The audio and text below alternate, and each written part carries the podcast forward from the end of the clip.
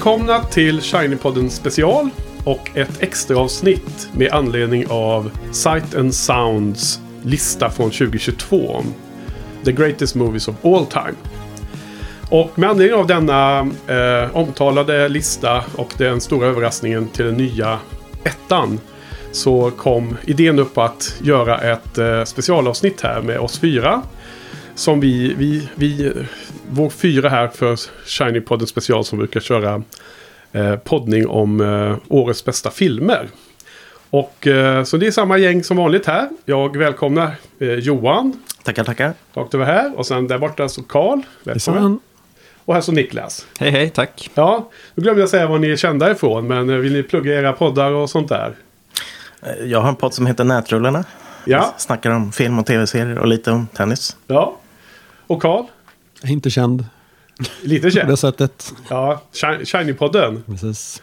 Eh, får vi sälja in där då. Vanliga Shiny-podden, eller hur? Precis. Ja. Och mer ska, ska komma där. Men, men det får vi återkomma till. ja. Och Niklas också. Känd på näten. Ja, det blir väl för podcasten Späckat då som har film och tv-spel som fokus, Ja, kan man säga. kultur. Ja. Jättebra. Jo, så Sight and Sound, vad är det då? Det är ju en brittisk eh, filmmagasin som kommer ut en gång i månaden. Och eh, 1952 så drog de ihop en stor eh, omröstning om the greatest movies of all time. Där de frågade, vad var det, 50-60-tal eh, kritiker om eh, att skicka in listor med de tio bästa filmerna genom tiderna. Och sen så eh, ackumulerade de ihop det och publicerade då detta 1952. Och då, eh, eh, tidigt 50-tal, kort tid efter den eh, italienska neorealismen hade slagit igenom så var det då Bicycle Thieves, eller Cykeltjuven som det heter på svenska, va? som var nummer etta. Och sen har de då gjort det här till en tradition, så att var tionde år, eh, 62, 72 och så vidare, så har de då skickat ut till eh, eh filmfolk, kritiker, senare regissörer och numera även andra folk. Eh, programdirektörer för festivaler och allt möjligt vad det är. Och eh, eh, så den kom ju då ut alla år som slutar på två och därmed då 2022 var det den senaste.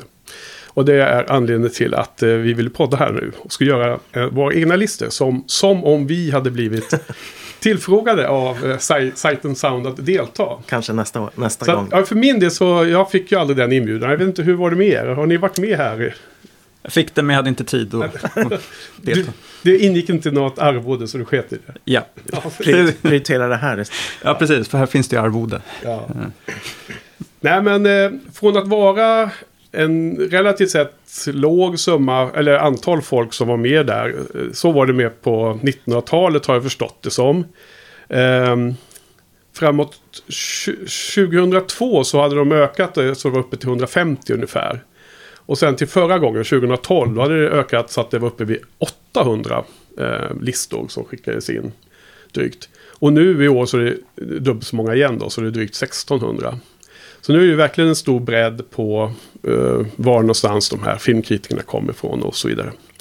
Eh, och historiskt då så är det här, det är den här klassikern att eh, Orson Welles masterpiece Citizen Kane har ju då vunnit den här omröstningen om the greatest movie of all time. Från andra gången som var 1962 ända fram till upp till, till och med 2002. Och först förra gången för tio år sedan så förlorade den sin första plats och blev nedputtad till andra tror jag det var då. Och då var det Hitchcocks eh, mästerverk Vertigo som blev rankad som nummer ett. Och rankningen var alltså hur många listor som filmen fanns med på. Hur många eh, listskrivare hade de med dem bland sina topp 10 bästa filmer, eh, eller greatest movies. Och nu i år, 2022, så var det då en ny film. Som eh, hade funnits med på listan tidigare, men klart lägre ner. Och vem, vem är det som är frivillig och säger namnet på den här? En jättelång titel på den här franska filmen som nu vann 2022. Någon som är Ja. bra, bra på franska? Nå- någon som har sett den kanske? Självklart. eh, ja, precis. Jag har alltid svårt att komma ihåg den där, men det är väl Jean Dielman 23 Quai du Commerce. Är det 10.30 Bryssel? 1080. 10.80. Ja. Bra, bra kämpat ändå. Jag hade för min del inte ens hört om att filmen fanns. Jag visste inte vilken film det var ens. Eh, Samma här. samma här, ja. Du då Johan? Ja, Jag hade hört talas om den. Ja. Eh, Filmspotting, eh, filmpodden, hade snackat om den. Okej. M- Men du hade sett den också till och med? Det har jag gjort. Carl? Ja. Jajamän. ja. Berätta. Eh, Är den värd första platsen? Alltså, det där är ju alltid himla knepigt. ehm, Just hur man definierar den här greatest eh, film ever. Ehm, Så mm, det är väl egentligen lättare att, säga vilka filmer som inte är absolut bäst än att faktiskt peka ut någon som är bäst. Mm. Vilket gör att det är egentligen ingen som är värd att hamna etta. Mm. Och den här filmen är ju ett mirakel på det sättet att den är ju stentråkig. Man bara följer en kvinna som gör hushållssysslor i tre dagar i rad någonting. Eh, väldigt Filmen är lång. den är eh, tre timmar någonting.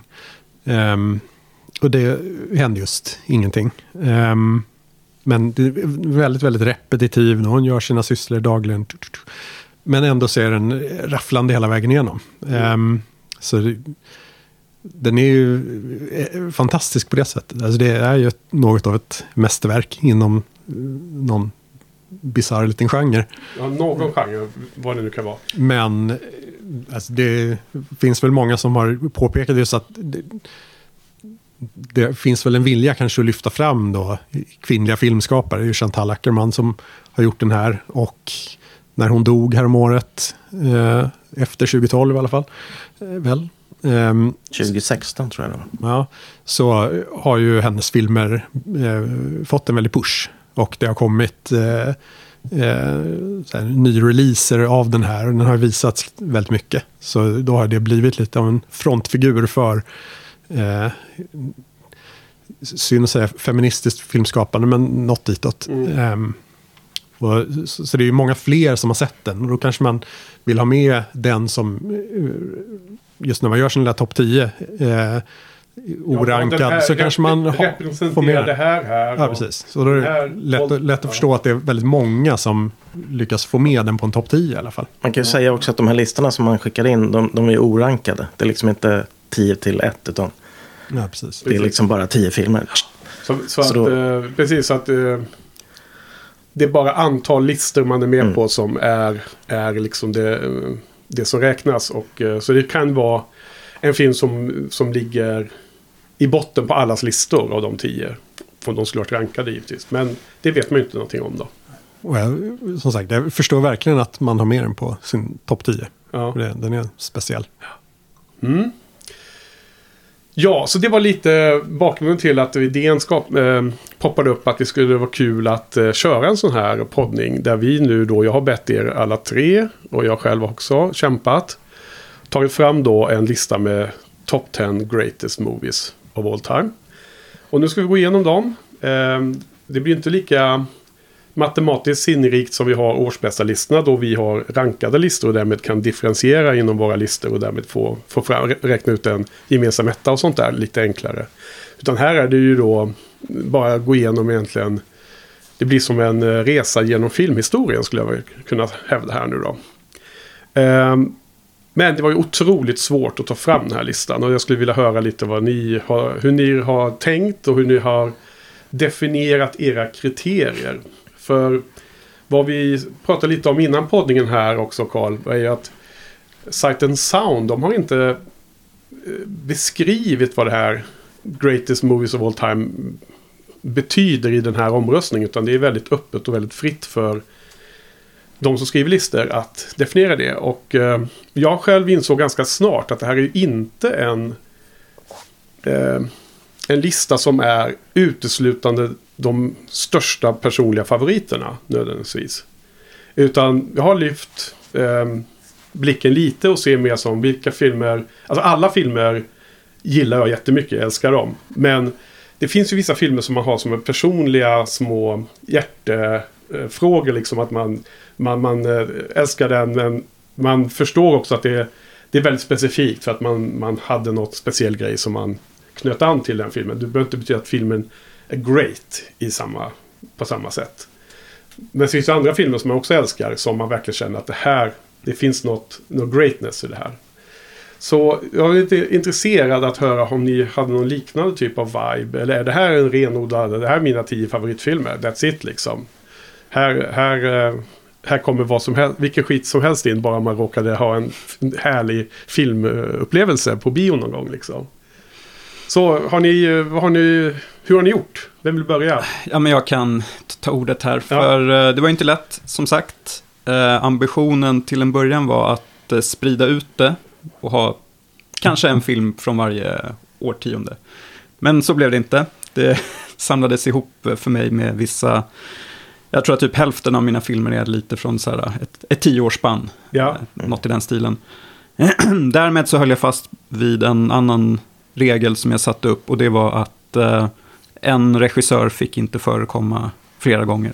Oh. Eh, för att få lite spridning ja. på det. Ja. Um, lite, lite mångfald, vilket det inte riktigt blev heller. Ja. Eh, kommer ni nog få, få se eller höra. Ja, jag som har gjort ordning, planerat eh, poddningen har ju sett allas listor. Men det har ju inte ni gjort då. Så ni vet ju bara era egna.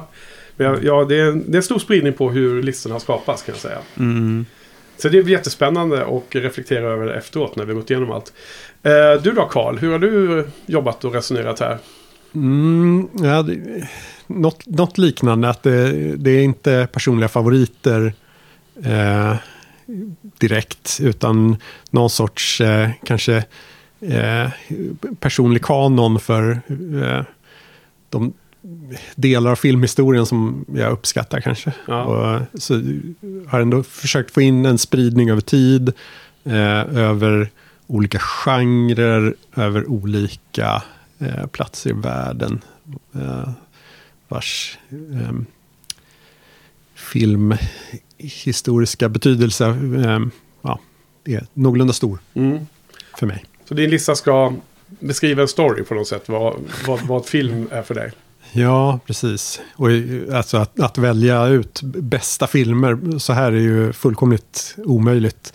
Eh, någon gång nyligen så eh, talade jag väl illa om den gode Mark Cousins eh, för hans hemska Stockholmsfilm.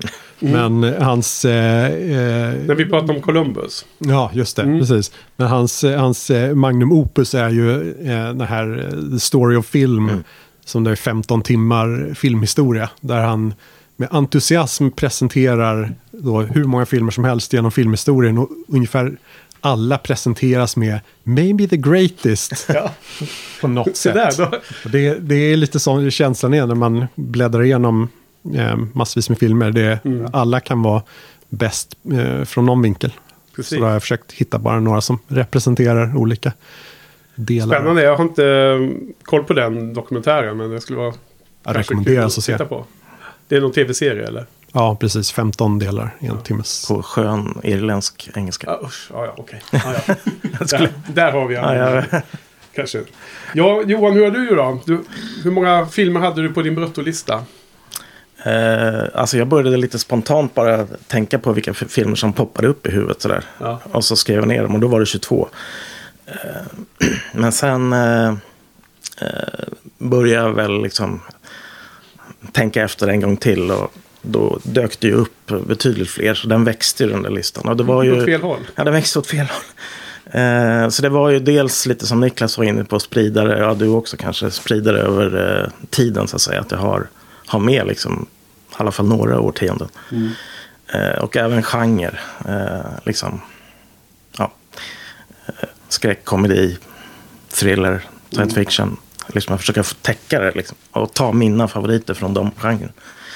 Eh, men sen vart det också eh, ett par som är personliga favoriter helt enkelt. Ja, ja, Så det vart- det vart en blandning. Så, så får det ju bli. Det var, det var liksom både och. Både liksom ett kurerat innehåll för andra kanske och även personligt för mig. Och jag, ville, jag lyfte liksom även fram regissörer som jag verkligen uppskattade. Och så liksom ja, en film för den här regissören och en för den. Och inte, inte, samma, inte två filmer från samma heller. Som Niklas var inne Ja. på. Mm. Ja, så det blev liksom ett sätt att, att liksom filtrera ut vilka som skulle vara de här olika kriterierna. Annars hade det liksom inte gått. All in Josh Larsen där. det är en per. Ja, ja. Ja, nej, men det, så gjorde jag också lite. Eh, nej, men jag funderar på den här frågan ganska mycket faktiskt. Jag, jag tycker att det var en, eh, kanske bland mer, mest fascinerande aspekten av det här lilla projektet var ju att fundera på vilka filmer vill man ha med egentligen på en sån här lista.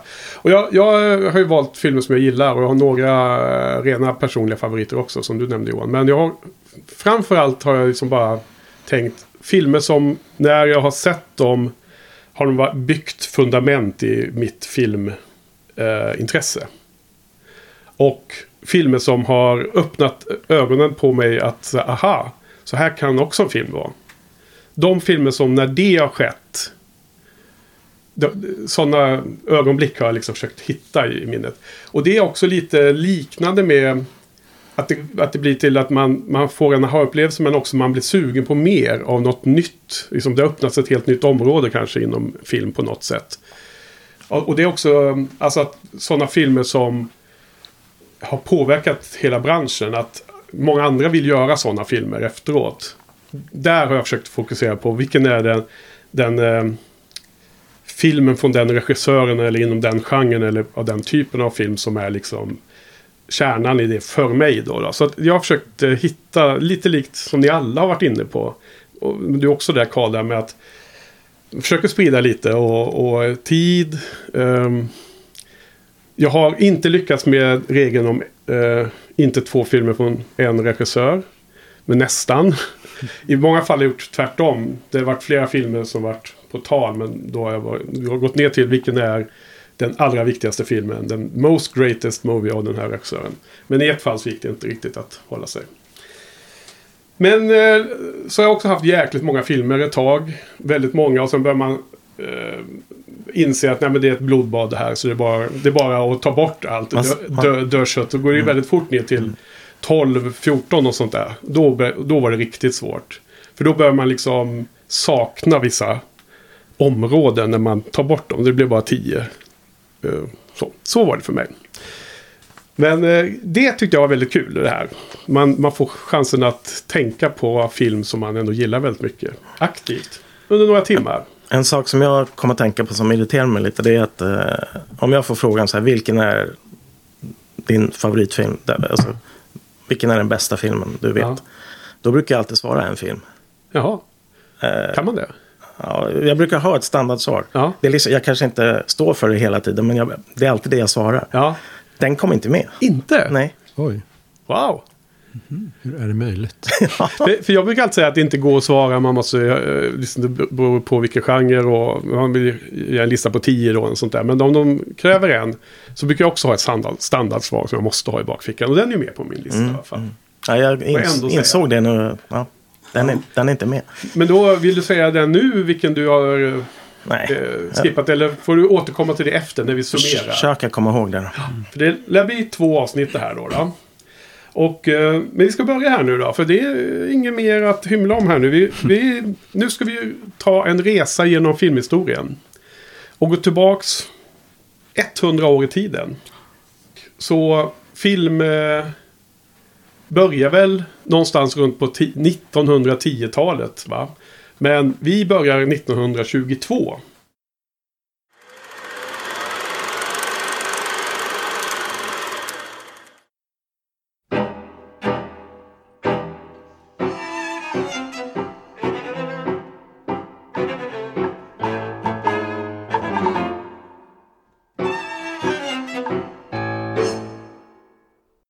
Och det är Johan här som ska inleda kvällen och eh, presentera en av hans eh, val. Och det är tyska Fritz Langs film Dr. Mabuse, Der Spieler. Korrekt. Eh, stumfilm tänkte jag på, det måste jag ha med någon. Ja. Vilka, vilka gillar jag liksom? Då är ju Fritz Lang framstår ju som... Det, det är liksom där jag har sett flest, helt enkelt. Eh, man ser inte speciellt mycket stumfilm, inte jag i alla fall. Eh, men jag har sett en del i alla fall. Och den här Dr. Marbuse, Der Spieler, det är ju liksom ett mastodont-epos. Alltså den är ju den är nästan fem timmar lång. Eh, och handlar ju om den här Dr. Marbuse som är någon så här criminal mastermind som ska ta över Berlin. Och tjäna pengar och lura hela staden. Och den här såg jag på Cinemateket faktiskt på en, en visning. Eh, med Matti Bye heter han på piano. Eh, Riktigt bra grejer.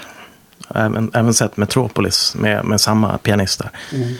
Eh, Så det var ju en otroligt häftig upplevelse. Eh, Och den är ju riktigt, eh, alltså, den är ju riktigt välgjord. Det är liksom en riktig film. Eh, Helt otroliga scener i, i Berlin. Miljöerna, liksom, dekadensen. Ja. Finns någon... eh, Glada 20-talet. Ja, vad heter hon? Det finns någon, eh, vad heter hon, Karatsa. Hon är någon danserska där som förför männen.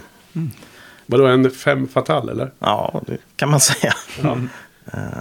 Är det någon som har sett den? Nej. Nej, tyvärr inte. Nej.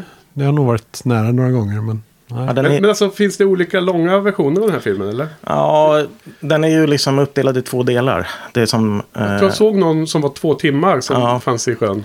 det, ja, just det. Eh, jo, det finns nog fler versioner. Den jag såg var ju liksom maxversioner som Så är... fann nu Alexander att det ska vara långt som i Ja. helvete också. Ja, ja. Så jag undrar om inte den där visningen var uppdelad i två dagar till och med. Att det Mhm. var del ett, två och en halv timme och sen del två, två och en halv timme. Mm. Eh, Men man fick gå hem emellan och så. här. ja, det, det var dagarna efter varandra tror jag. Ja. De insåg väl att fem timmar var lite väl kanske. Eh, nej, så den kan jag verkligen rekommendera. Den, jag hade ju, det stod mellan den och eh, Metropolis. ja, Eh, den har jag sett. Den är jättebra. ja. Och så har han gjort M också. Va? M, ja, precis. Sen gjorde han ju, man skulle kunna säga att den här Dr. Mabuse, det är ja, kanske filmhistoriens första så här franchise. Det blev ju liksom uppföljare sen. Mm. jag, jag såg ju på mitt decennier-bloggprojekt såg jag den här eh, Mabos, eh, någonting med testament. Någon- Dr. Mabuses testamente, precis. Och sen kom det Dr. Mabuse och, ja, och tu, Tusen ögon, någonting. Mm. Eh, 1960 kom den, så att, Ja. det var liksom långt emellan de här. Men ja, det är en riktig, ett epos. Ja. Expressionist Ja, Tyskland. yes. Och det var ju där Hitchcock var ju över och jobbade i Tyskland innan han blev egen regissör i England. Och eh, gjorde de flesta olika roller som fanns i en produktion. Innan han blev regissör. Så att mycket av hans eh, känsla för fotot och så här tror jag plockades upp där faktiskt från första början. Tyska industrin. Okej, Dr. Mabuse Der Spieler från 1922. Och eh, något mer som du glömde? Eh, nej, jag skulle kunna säga att alltså, manus skrevs av Thea von Harbo. Eh, och det bygger på en bok som kom året innan. Eh, och hon var ju ihop med Fritz Lang. Och, och, och tidigare var hon ihop med han som spelar Dr. Mabuse som heter Rudolf Klein Rogge. Så det var lite...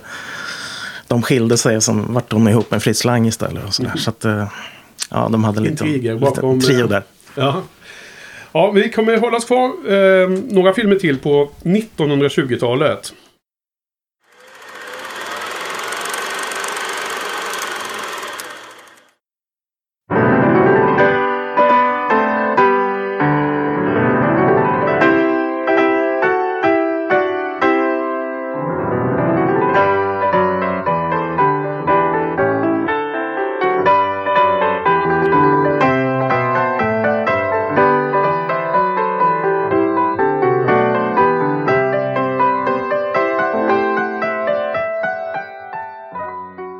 Och nästa så går vi fram till 1926. Och det är Carl som ska presentera Buster Keatons The General. Jajamän. Eh, lite annan riktning på stumfilm. Ehm, och det, för mig stod det väl egentligen mellan den här och eh, något av Victor Sjöström kanske. Ja. Eh, för något måste man ju med. Men eh, eh, Buster Keaton... Stumfilm. Ja, Ja. exakt. Men eh, ehm, Buster Keaton är ju eh, underbart rolig och eh, underskattad också. Väldigt pionjär inom eh, slapstick och stora actionfilmer. Eh, och The General är väl mm, kanske en av de mer extrema som han gjorde. Eh, när de köpte in ett eh, helt gammalt ånglok som, bara för att krascha det. Det, det, det heter The General, är det så? Just det, så är det väl. Eh, han spelar sydstats eh, soldat som ska försöka ta sig igenom eh, eh, nordstats territorium för att komma någon vart. Ehm, På järnväg. Jag, jag På råkade järnväg. faktiskt se den filmen här om dagen bara. ja, För att den var ju kort. Den var ju just det. eh, härligt nog inte så himla lång då. Inte Som- fem timmar. Inte fem timmar utan bara 75 minuter. Så att då klämde den en kväll efter att jag hade sett den på din lista. Jag blev så nyfiken. Ja. Ja, den var ny, nysedd. Ja, hade den varit fem timmar så hade han väl eh, troligtvis avlidit under eh, inspelningen. För det är, han gör alla sina stunts själv och de är helt livsfarliga. Ja. Det är helt vansinnigt vad han eh, hittade på. Eh, och lyckades klämma in under den perioden då man inte hade så mycket eh, tekniska möjligheter kanske. Eh, så han är verkligen eh, proto-Jackie Chan, får man säga. Absolut. Han är väldigt, väldigt charmig också i eh, de komiska bitarna. Det är liksom, de måste ha tajmat många av de här stunten in i minsta detalj verkligen. Ja. Så, för det, jag antar att de inte... De har ingen specialeffekter att tala om och det såg inte ut som att det var klippt heller speciellt ofta. Liksom. Nej, precis. Det känns nästan som att klippning knappt var uppfunnen på den Nej. tiden. Så... Så, Väldigt statisk kamera, bara stå och visa vad han gjorde. ja, den här gjorde ju, det var ju stort fiasko i sin samtid, vilket är helt bisarrt. Ja. Eh, men han var före sin tid. Det kanske inte gick hem lika bra att det var en, handlade om en sydstatare Nej, man tänker det. Så eh, som vann, kan vara så. vann, vann eh, eh, dagen där i den filmen. Har du också sett den Johan, eller? Nej, men jag har inte hela. Jag har sett en hel del klipp från den. Jag, liksom- jag tror... Jag har tittat på någon på YouTube, någon sån här eh, highlights med liksom hans olika stunts. Och då var det nog en hel del från den här. Eh, det är någon där han sitter fr- framme på ett tåg, och, eller ett, ett lok. Och så liksom eh, slår han bort liksom trästockar som ligger. Det, det kan gå fel där, kan man säga. Ja. Hade de mycket väl kunnat göra. Jag vet inte, den här... eh, Den här kända eh, scenen när det här husväggen faller ner. Just det, det är, Och är han- det från han- Sherlock Jr. kanske? Ja, det är inte Ja, det är i den här. inte den här. Nej. Nej. Och jag tror Sherlock Jr. är väl högre upp på Sight and Sounds-listan också. Ja, vi, vi, precis. Jag tror också det faktiskt. Och den är ännu kortare. Så den skulle också, kan också klippa snart. Så man kan eh, få, få... Rekommenderas också. Jag har faktiskt skrivit ner här den senaste årets eh, Criticers lista. Eh, de som placerar sig där, topp 100. Om det, vi kan ju nämna det, för det kan ju vara en kontext. Och eh, av våra... To, to, vi har ju ett fåtal överlapp. Men, så det blir ju inte exakt 40 filmer. Men det var väldigt, väldigt eh, lite överlapp faktiskt. Men av de filmer vi kommer gå igenom på de här två poddavsnitten så är det då 44% som är med på eh, topp 100. Faktiskt. Av våra val. Ja, Okej. så nästan hälften. Och den här är med, alltså den, Dr. Mabuse var inte med på topp 100. Men däremot The General är på plats 95. Så. Och jag har inte skrivit upp vad Sherlock Jr. är med, men jag har för mig att den är där någonstans. Jag mi- misstänker att eh, Metropolis är med. jag kommer inte ihåg det. Vi, Jag det skulle blir för, garantera att det känns vi, vi, Det får vi kolla efteråt och så.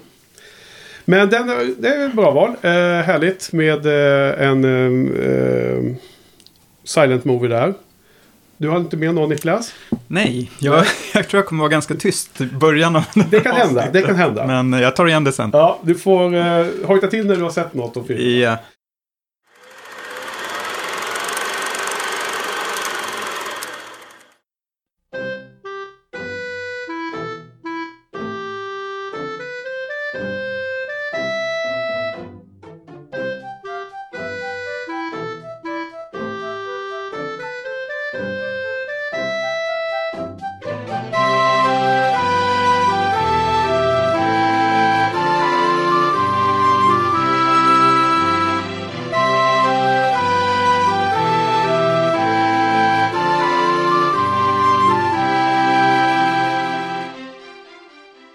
Den tredje och sista filmen från 1920-talet är en film som jag har med på min lista. Och det är ju F.W. Murnaus Sunrise. A Song of Two Humans. Eh, och den såg jag i samband med mitt decennier eh, eh, på bloggen. Så för de som inte läser bloggen men råkar lyssna på det här. Kanske inte allt för många men man vet aldrig. Så var det ett eh, bloggprojekt där jag gick, betade av decennier per decennier från 1920-talet och framåt. Och titta på filmer som jag länge hade velat se men aldrig kommit till skott med. Om man inte tar sig för att verkligen eh, fokusera på det. För annars är det lätt att bara välja den senaste actionrullen liksom som finns. Men då såg jag den här och det är ju en uh, silent movie också förstås. Den är från 1927. Uh, ehm, det är ett romantiskt drama uh, om en man och en kvinna, medelåldern. Och mannen blir duperad eller förförd av en annan kvinna. Och får för sig att eh, mörda sin fru för att då kunna eh, vara med den andra kvinnan. Men sen så blir det inte riktigt så att han gör det där. Och istället så spenderar de en dag tillsammans. Och åker bland till en stad och så kommer hem sen till slut. Och eh, sen är filmen slut. eh, otroligt bra film. Och det är liksom en del av det här. Det är extremt relationsorienterat. Och i... Eh, eh det är lustigt att du sa att eh, Buster Keaton var ju liksom eh, eh, proto Jackie Chan sa det va? Lite som action. Grunden till en actionfilm. Just. Och jag, jag det är så lustigt för att än idag så filmer som har många element i sig så brukar jag ju inte prioritera actionscenerna. Jag tror ni oftast brukar höra det. Liksom, relationer inom eh, även en actionfilm är mer viktigt liksom för mig. Så det är så lustigt att det visar sig redan här om man väljer vilken av stumfilmerna skulle man plocka upp. Nej men det, det är svårt eh, att säga mer. Eh, det är klart det finns massa handling och så men det den, den, den har något lyriskt och något ljuvligt i sitt bildspråk. Och det, det är speciellt med stumfilm. För man skalar bort så himla många saker som man är van med från modern film. Det kommer ner till essensen på något sätt. När, när det liksom är enkel kamera. Alltså allt det överflödiga är borta. Det blir liksom bara eh, kärnan. Ja, det är svårt att uttrycka det eh, mer så. Men, eh, och den här är ju också ganska uppskattad och har varit med i de här listorna högt upp tidigare. Och den är faktiskt rankad på elfte plats här nu i årets lista. Mm. Så att den precis utanför den där topp 10 som alltid visas på alla ställen man går in och söker. Men är det någon som har sett den här eller? Nope. Nej. Nej. Jag har hört om den. Men... Ja, okej. Okay. Då kan jag slå slag för den. Mm. Okej, okay, men det var tre filmer från 20-talet. Då tar vi vidare till 1930-talet. Och vad har vi då då? Det var ungefär runt 29-30 tror jag som man började med talfilmen. För de som lyssnar på Hitchcock-podden så var det ju en film där just som var spelad för som Hitchcock gjorde precis när det hände. Så först skulle det vara stumfilm och så blev det talfilm och höll på. Så vi, vi pratade om det en del där. Och det var en film från 1930 för mig. Och sen 30-talet är det någonting som brukar kallas för det här pre-code-eran va? Så, eh, fria manus där, där inte Hollywood ännu hade satt på sig sin egen censur liksom. Med saker som man inte fick eh, prata om eller uttala och så vidare. Det var liksom både inom sex och annat. Eh, som jag tror det var eh, farligt va? Eller hur? Hur var det med pre-code? Vad var det för något egentligen? Jo, det var ju moraliska regler, liksom etik och moral, hur det skulle framställas. Om någon brottsling till exempel som mördade någon så skulle den personen inte komma undan. Liksom. Ja, Utan det, sk det. det skulle ja, bli rätt. Det skulle vara uppbyggande. Men för det här är ju film, eh, film, vet, film, filmen som konstart var ju väldigt ny fortfarande. Så det är fascinerande hur sådana här saker... Men de är ju underbara de där pre-code-filmerna. Ja. Om man har sett några. Man märker ju att det är, då har de ju riktigt roligt. Alltså. Ja. Eh, men det är inte så många av er som har med någon från 30-talet. Vi har bara en film att prata om och det är en som jag har tagit med. Så att jag har faktiskt med två stumfilmer.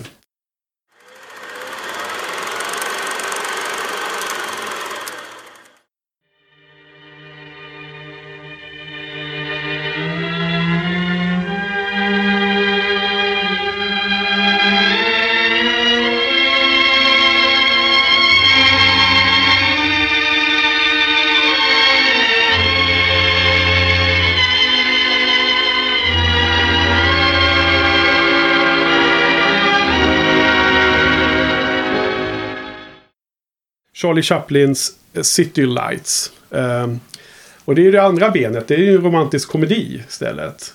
Den, den förra var romantiskt drama. Men det här är Charlie Chaplin och det var också...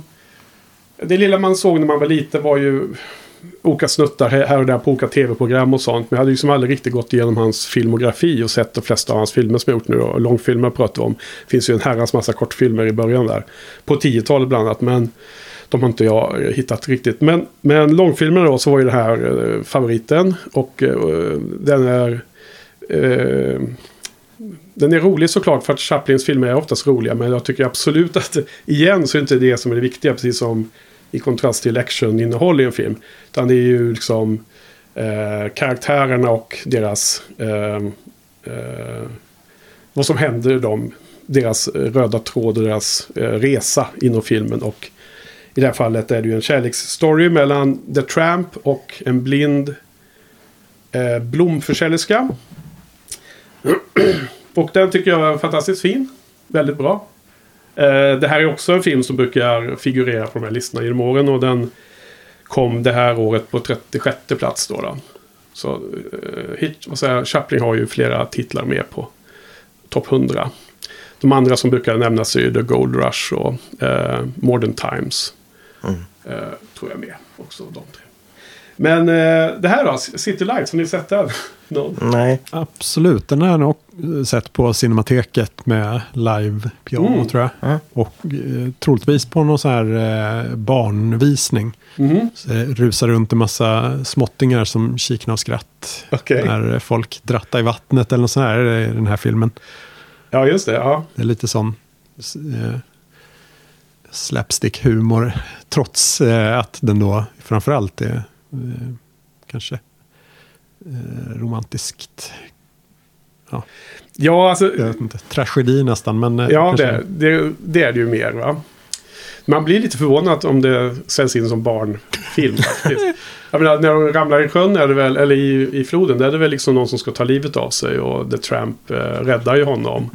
Och sen får, jag, får han ju massor pengar av, av, av den rike mannen som skulle ta livet av sig. Men det är väl något att de råkar knuffa ner någon flera gånger. Ja, det är sådana där. Men det är ju, det är ju bara det är sånt som man inte ens kommer ihåg. Utan storyn är ju mycket, mycket mörkare bakom liksom. Men det funkar för kidsen. Ja, precis. Det är väl som Pixar att det funkar för båda åldrarna. Men vad tyckte du då? Vad, gillar du filmen eller? Jag är ingen stor eh, Chaplin-fan. Eh, men eh, alltså, den, ja, absolut. Mm. Nej, men det är på något sätt så... The greatest movies of all times plockar upp de där som jag ändå känner liksom har eh, ja, men mer som fundament, stöttestenar i, i någonting som byggs vidare på sen. Så kanske det finns massor med härliga romantiska komedier som är gjorda på slutet av 1900-talet eller 2000-talet. Men någonstans så börjar, finns det något, något, något frö i det här. Men i alla fall, nej, men jag, jag har varit helt såld i den sen jag såg, såg den. Så, så den, båda de här filmerna var ganska givna att vara med på listan faktiskt. Eh, men det var allt vi hade för, från 30-talet. Eh, lite orolig att det inte skulle bli eh, allt för mycket eh, av, av, de äldre filmerna. Men det, vi, vi kommer här nu. nu. Nu börjar det ta sig. Nu kommer vi in på 40-talet. Vad har vi då? då? Eh, screwball comedies. Eller? Eh, film noir. Film noir. Mm. Ja. Men film noir är kanske ännu mer 50-tal eller? Nej. Nej, det är, Nej, det är mest 40 ja. Det är okay. väl den här uh, Touch of Evil som uh, Orson Welles gjorde 54, 55. Senare. Senare. Tror jag. Det är väl den, ja. den sista brukar man säga. Från, från där nere? Ja. ja. Okej. Okay.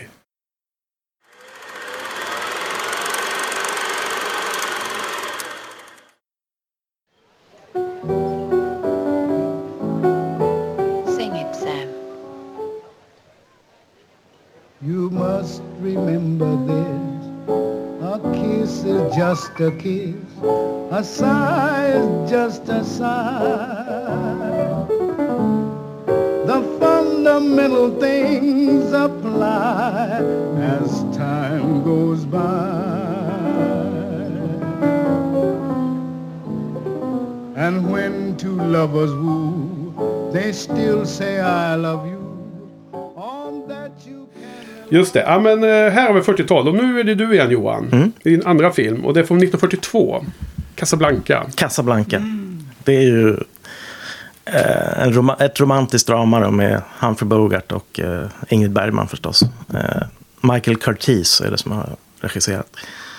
Eh, och det är ju en sån här klassisk, liksom, eh, vad ska man säga, Hollywoods golden era, känns det som. Fast det kanske var, vad det vet, 30, 40-tal, 50-tal, den perioden liksom. Eh, och det är ju liksom en film, eh, alltså jag, eh, det är egentligen, det är nog den enda så här gamla filmen som jag har gett högsta betyg. Eh, jag har varit helt förtrollad av den. Och den är ju proppfull med såna här citat som lever vidare. Will always have Paris. Och, Ingrid Bergman, ja. Ja, precis. Alltså de, de hade en kärleksaffär i, i Paris och sen när de skulle ses då så hände det oväntade saker. Och, Mm.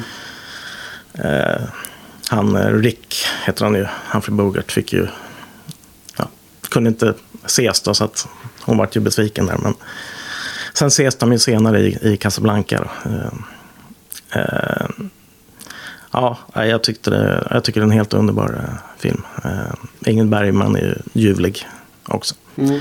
Humphrey Bogart är rolig. Eh, och vad heter han nu då?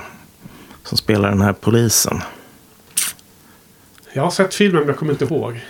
Nej, de har ju en rolig eh, kommunikation med varandra. Mm.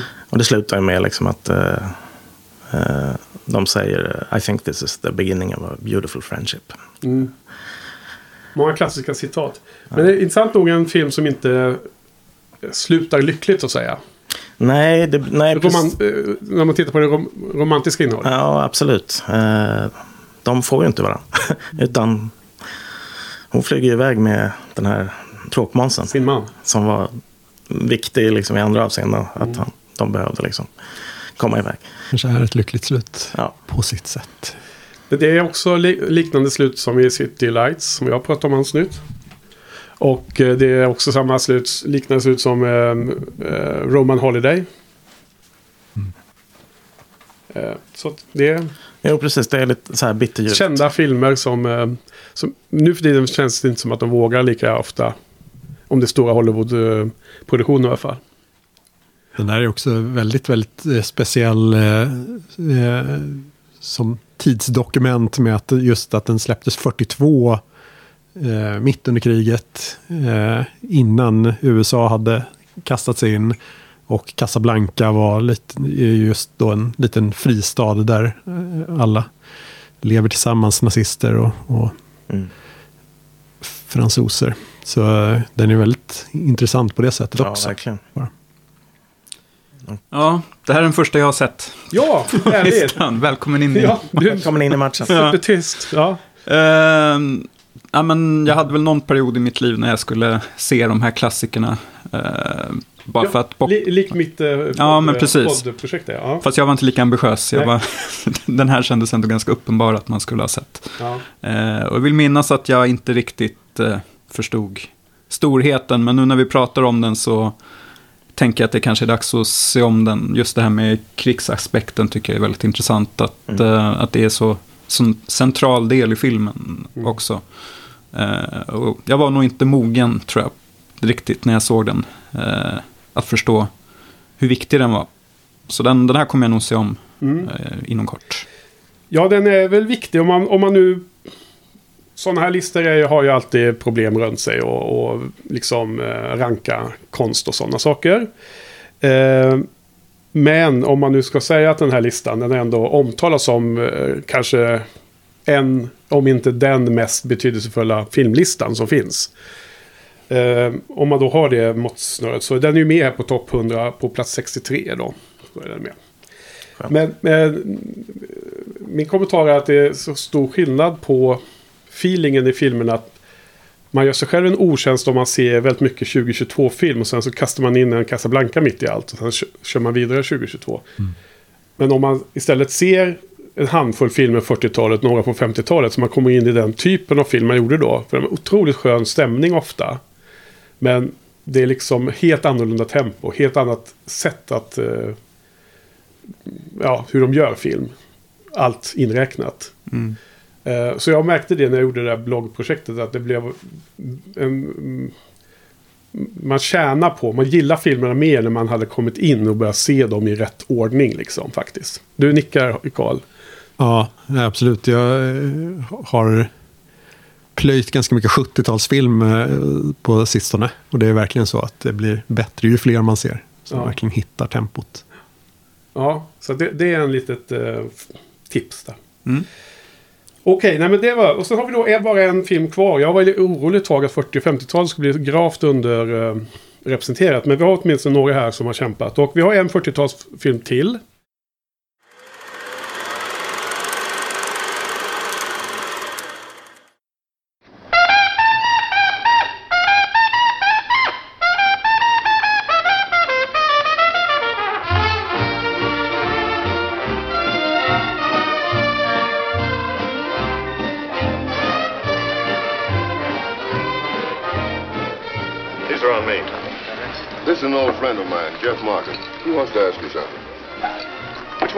Eunice Leonard? Me? May I ask you a few questions? Och det är du Karl. Som välkommen tillbaka. Och du ska, på tal om film noir. Så ska du prata om Out of the Past. Exakt. Skuggor ur det förflutna. Eh, av Jacques Tourneur. Eh, underskattad eh, filmskapare. Men vänta nu, han är fransk eller? Säg det. Ja, för det är en amerikansk film. Tror jag. Ja, ja precis. Ja. Med eh, Robert Mitchum och Kirk Douglas och Jane Greer. Eh, som är, det här är verkligen eh, ärkefilm noir. Det är Mm. helt eh, eh, perfekt representation vad det är för någonting. Mm. Ehm, Ja, det är en sån här fundament, ett sånt byggsten. Ja, verkligen. Eh, och det har ju eh, noterats i tidigare inspelningar att jag är ganska svag för film noir. Ja. Så för mig är den här eh, eh, verkligen superviktig. Ehm, Robert Mitchum, stencool. Eh, men då låter sig blåsas eller eh, lockas ner i, i fördärvet av en eh, femme fatale. Eh, eh, som, eh, ja, man vet väl hela vägen att det här kommer inte sluta bra. Men han hänger med på det av ja, någon anledning. I, I hans fall eh, kanske att han inte tycker att han förtjänar bättre. Så hakar han på det här. Eh, väldigt många eh, berättartekniska små finesser med eh, någon ramberättelse som motiverar varför han har en voiceover och beskriver vad som händer i vissa små delar. Eh, och sen själva... Eh, det, man får känslan av att det finns en stor konspiration, stort mysterium precis utanför kanterna på, på filmen. Eh, som också driver allting mot, mot olyckligt slut. Och, det, ja. och så förstås eh, härligt svartvitt foto. Mm. Allt, allt perfekt. Mm. Inspirerat från tysk explosionism. Mhm. Ja. Precis. ja, det här var en av de allra första filmerna jag, jag eh, tog mig an och tittade på när jag skulle lära mig film noir. Och det var nog lite som du var inne på Niklas, helt fel timing eller helt för tidigt eller något sånt där.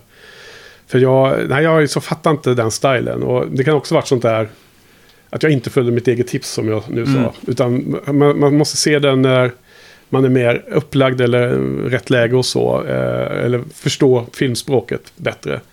Jag menar, vi såg ju någon... Eh, vi såg ju någon film noir här, du och jag Karl, där The Big Sleep va? Oh, ja. Ja, den, den måste också varit nära att kunna varit med på en sån här lista, eller hur? Ja, ja, absolut. Ja, den är svinbra.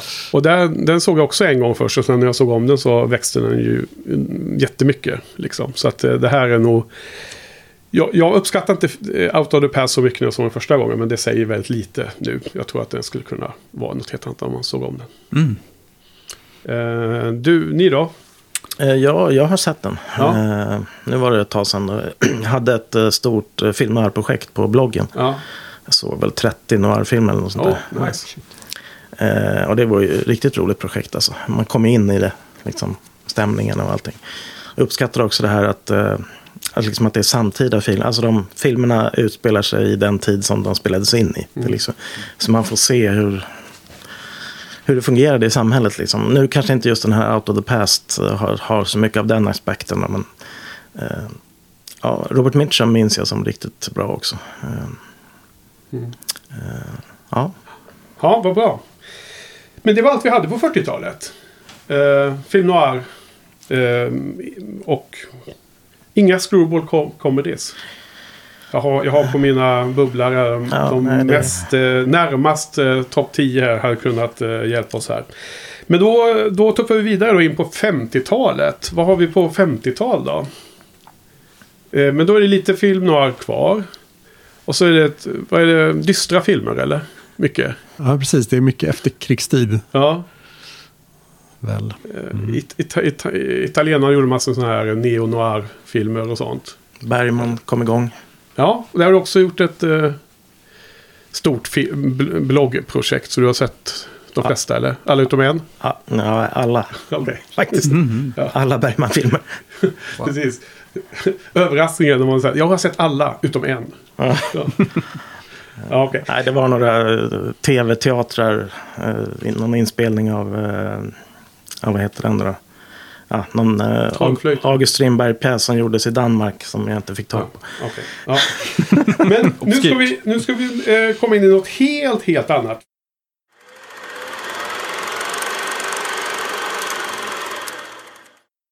It's 1.30 already. It's morning. Yes. And what a lovely morning.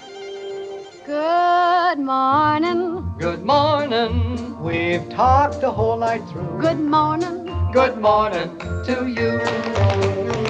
Good morning. Good morning. It's great to stay up late. Good morning. Good morning to you. When the band began to play, the stars were shining bright. Now the milkman's on his way. It's too late to say good night. So good morning. Good morning. Sunbeams will soon smile through. Good morning. Good morning To you and you and you and you. Good morning. Good morning. We've gabbed the whole night. En musikal. Singin' in the Rain. Ja. Eh, Gene Kellys film då. Som Nummer 10 på årets lista för övrigt. på Si- Sight and Sound. Jaha, är det sant? Ja. Okej. Out of the Past var ju tyvärr inte med. Nej. Det finns nog för många att välja på gissar jag. Så de kommer lägre. Så kan det vara. Ja. The Rain, ja. Ja, precis. Det är Gene Kellys film då, då eh, som han gjorde ihop med Stanley Donen. Eh, regi, hjälp där, jag vet inte hur mycket de, de skrev och jobbade ihop med den där. Eh, men det är ju liksom, eh, 50-talet är väl också en sån här stora musikalernas eh, tid. Ja. Glada, glada musikaler.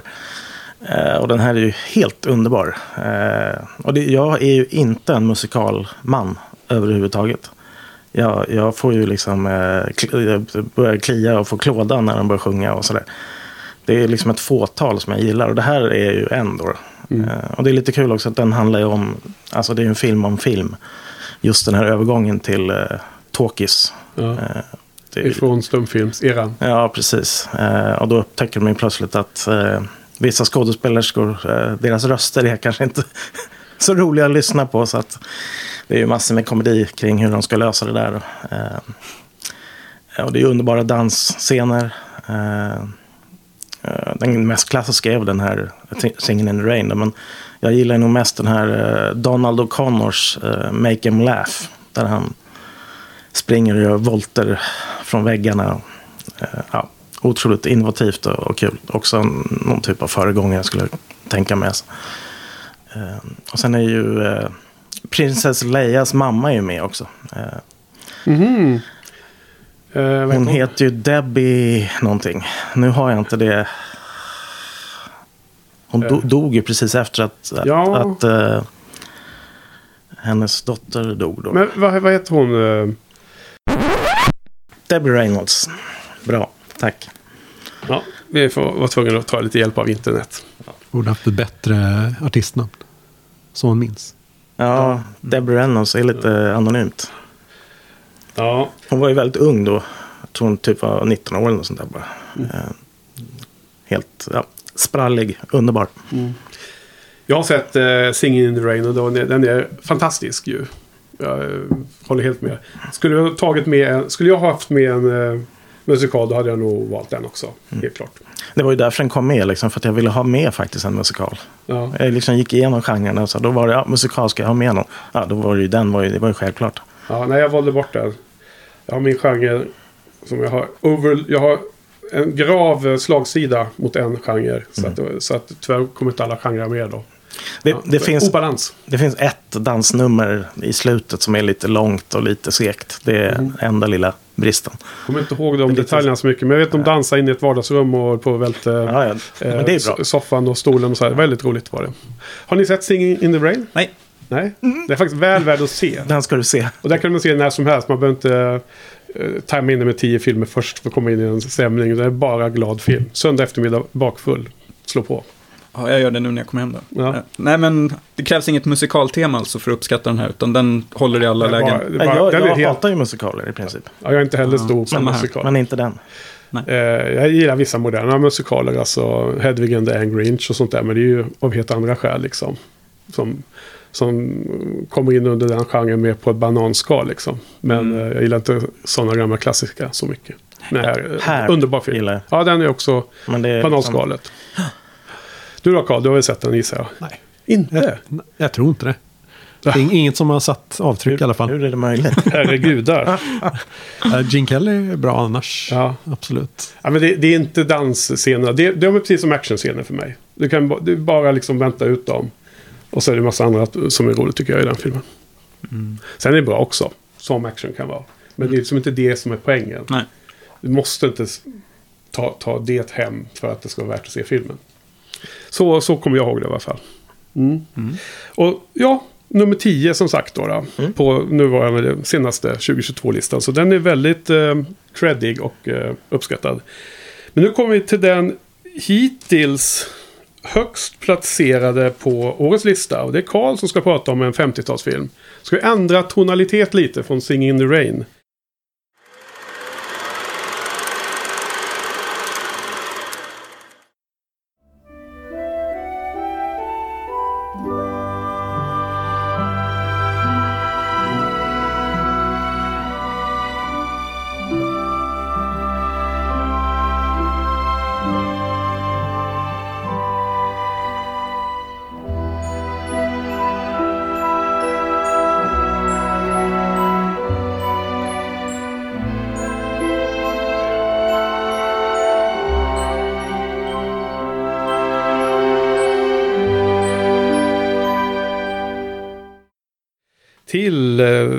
Den film som är placerad på fjärde plats på årets lista. Oj. Tokyo Story. Jajamän. Så ifall eh, det var lite glättig amerikansk eh, efterkrigstid där med Singin' in the Rain så är ju då den japanska efterkrigstiden lite mer mulen. Mm. Ehm, här är ju då Sober. Somber. Yasujiro Ozu. Ehm, och han har väl med flera filmer högt upp på den här listan tror jag också. Ehm, Säkert. Ja, eh, det här, den här filmen heter Föräldrar på svenska. Eh, det handlar om eh, just några gamla föräldrar som har sina vuxna barn på besök med barnbarn också. Och ja, mycket statisk kamera, kamera placerad i, inte i samma rum som alla personerna. Så det är väldigt, väldigt speciellt eh, eh, distanserande så. Eh, lågt placerad statisk kamera också.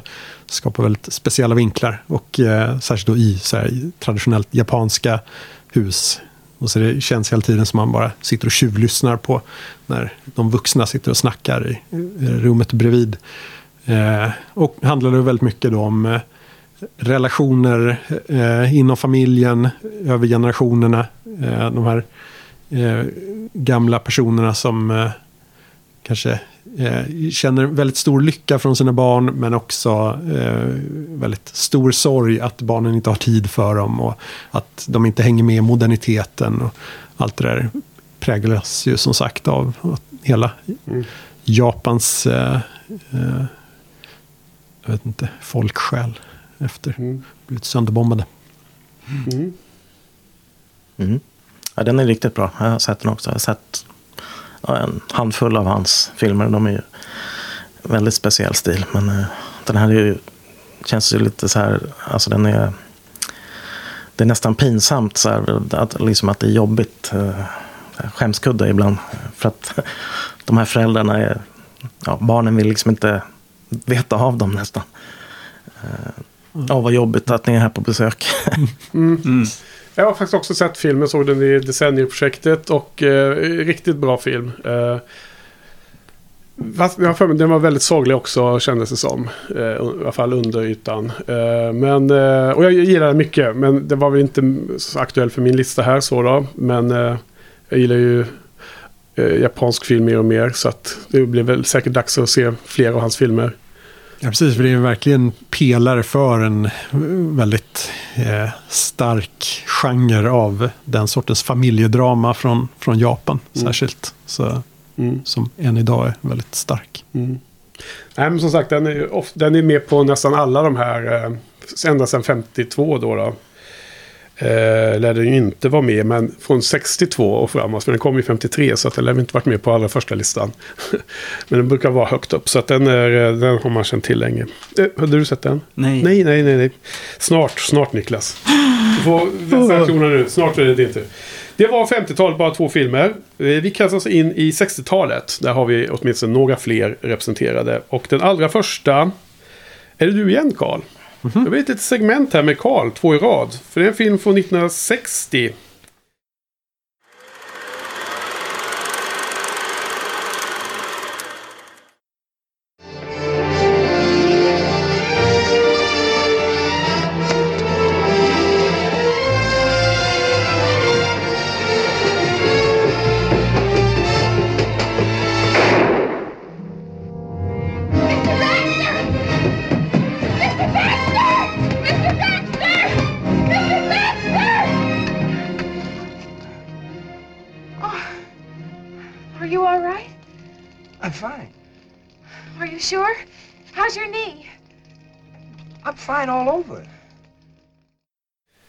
The Apartment. Den trodde jag nästan att du skulle ha med.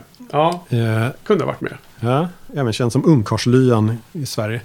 Eh, Billy Wilders, eh, svårt att säga att det är hans bästa film, men eh, en av hans många eh, superba filmer. Mm. Eh, en eh, romcom-drama, eh, ett helt perfekt romcom-drama. Eh, som också vann bästa film. Vann eh, fem Oscars. Eh, bästa regi, bästa manus också. Eh, är då Jack Lemmon och Shirley MacLaine som eh, ja, kanske ska hitta varandra. Mm. Ehm, och ja, det- den är eh, perfekt balans av någon sorts cynisk syn på hela så här, corporate kultur och sen en härlig eh, komisk eh, Varm humanism. Varm humanism, ja. Precis. Det är kanske inte det som är vanligast i eh, Billy Wilders filmer heller. Men eh, här prickar den rätt. Och sen är den då bara sylvast eh, skriven med skämt som placeras eller byggs upp någonstans tidigt, payoff långt senare när man inte förväntar sig. Eh, perfekt utdoserad information eh, och eh, all, allt trassel de eh, hamnar i. Allt som hindrar dem från att bli ett par och sådär känns eh, helt rätt. Inte forcerat som i sämre romcoms. Mm. Nej, helt eh, perfekt inom den genren. Och som sagt, eh, Billy Wilder är en av de absolut största genom tiderna. Håller med. Håller också med. Jo, jag, jag gillar den här jättemycket. Jag, eh, jag tror att den har blivit lite så här... Eh, den har fått en olycklig start för mig. Första gången jag såg filmen var ju... För må- många herrans år sedan så tog jag en kvällskurs i filmmanusskrivande. Som var typ åtta kvällar eller något sånt där. Sån. Det var inte några högskolepoäng och så, utan det var något jag betalade för på någon sån eh, filmutbildning. Och då så eh, förkunnade han direkt första lektionen. Ja, The Apartment är ju världens bästa film. och vi, ska, vi såg hela filmen genom kursen. Men vi såg liksom en kvart åt gången.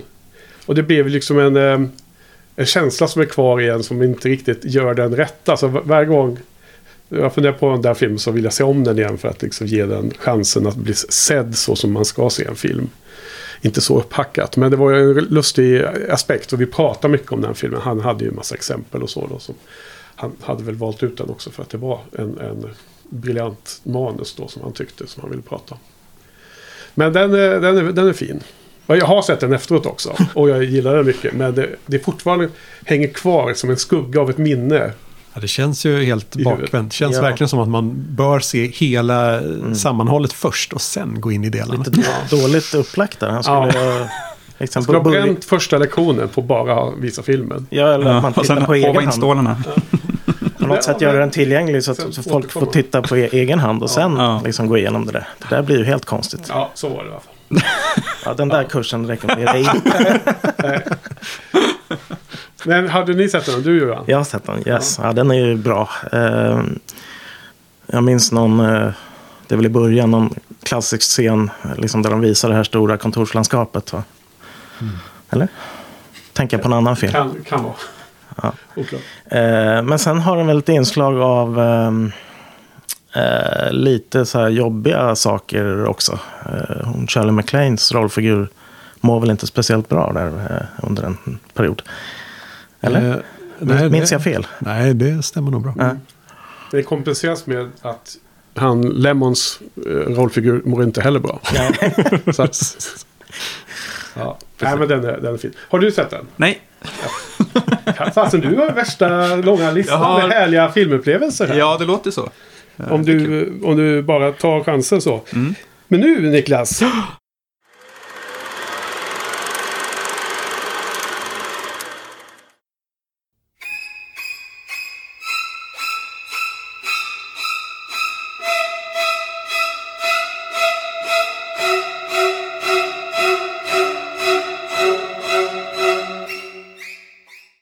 Nu är vi inne på 60-talet och vi är kvar i 1960. Japp. Och här är din första film som du vill presentera. Och då, nu får vi med en Hitchcock ändå.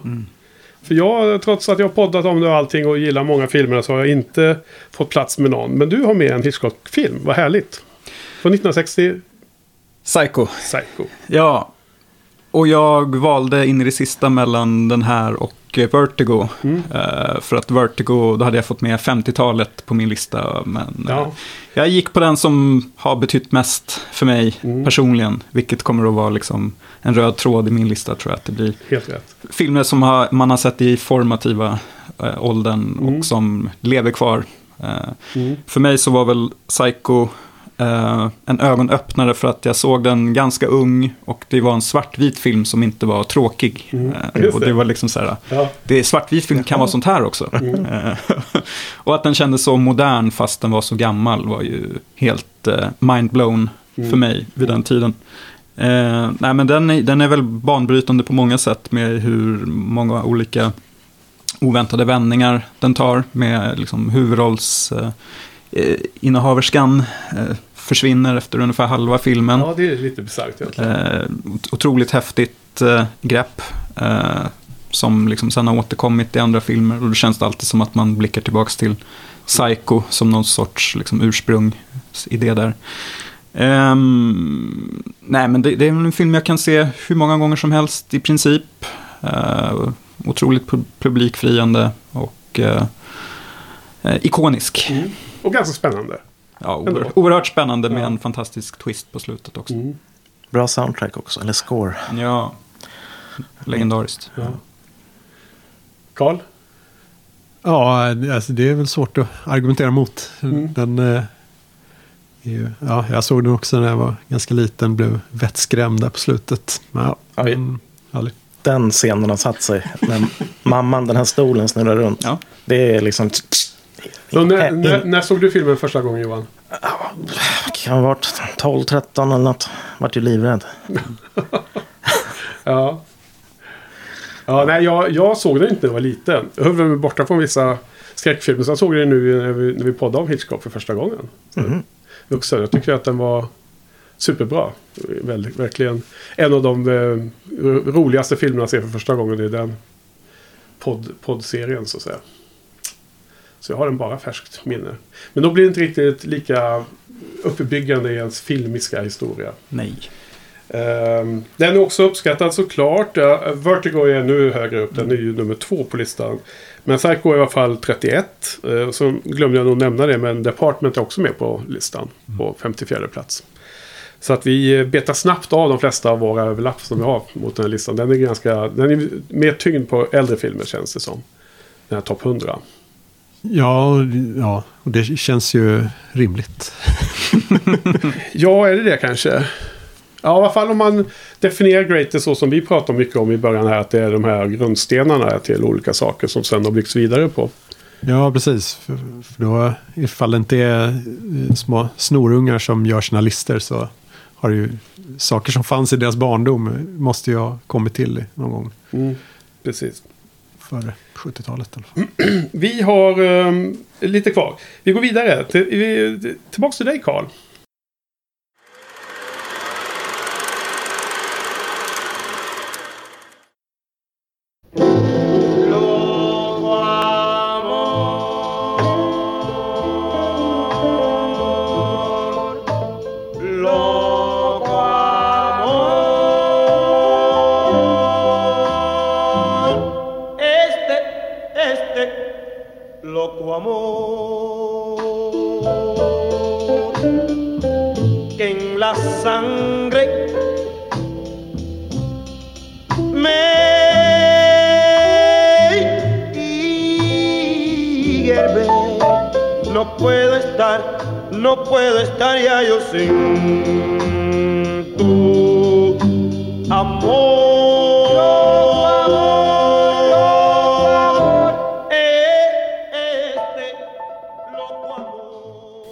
Kvar i 60-talet och nu är vi 1964.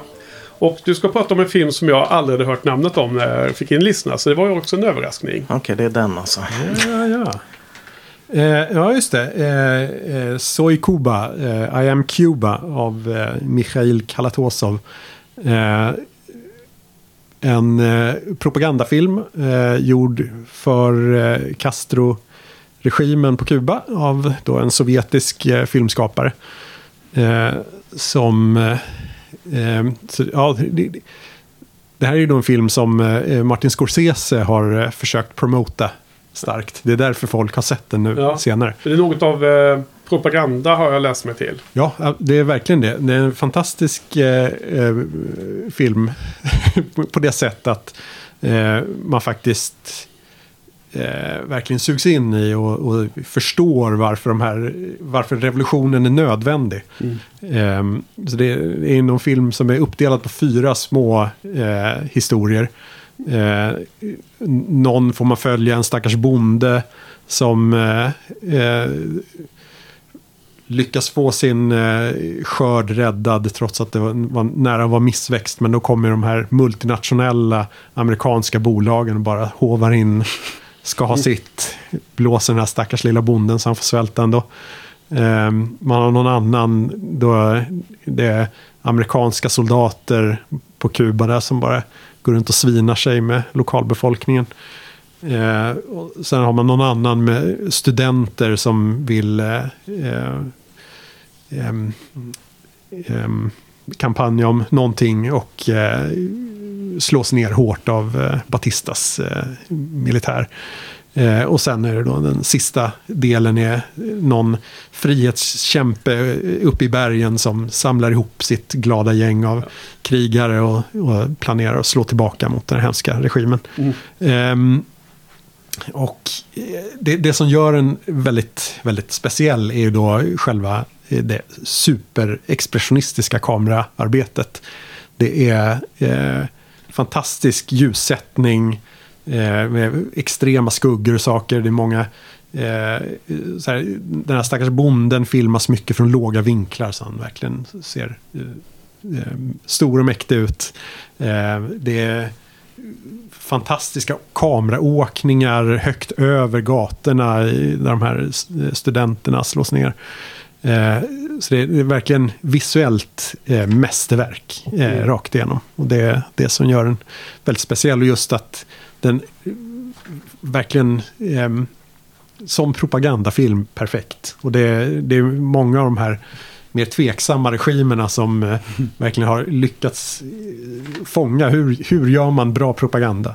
Från Leni Riefenstahl till här då. Så eh, det måste man imponeras av på någon, alltså rent filmkonstmässigt. Eh, mycket imponerande. Mm. pansarkryssaren Potemkin. Mm. Eller Patjomkin heter det väl. Ja. Just Också ett exempel. Absolut. ja, den är ju med på listan vet jag. Men den här dök inte upp där. Så att... Eh, eh, men eh, vad är det för någon pillar för? Vad är det för någon st- eh, grundsten för?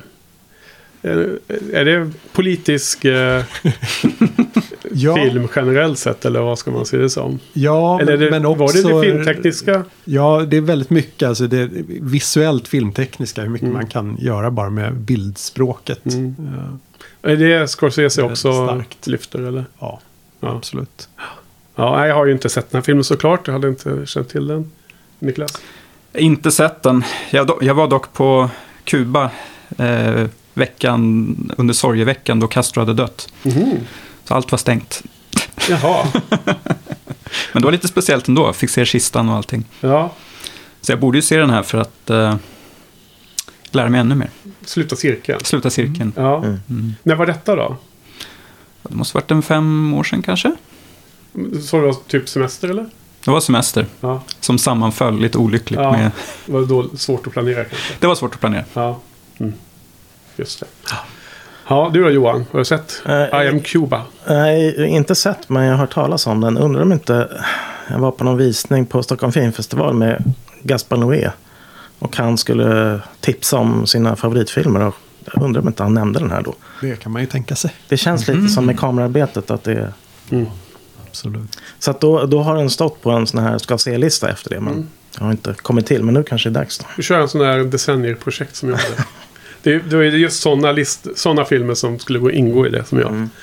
Sådana som man tänkte att man skulle se någon gång. Ja, eh, vi går vidare. Den sista vi ska prata om från 60-talet just nu är från 68 och det är en film som jag har med.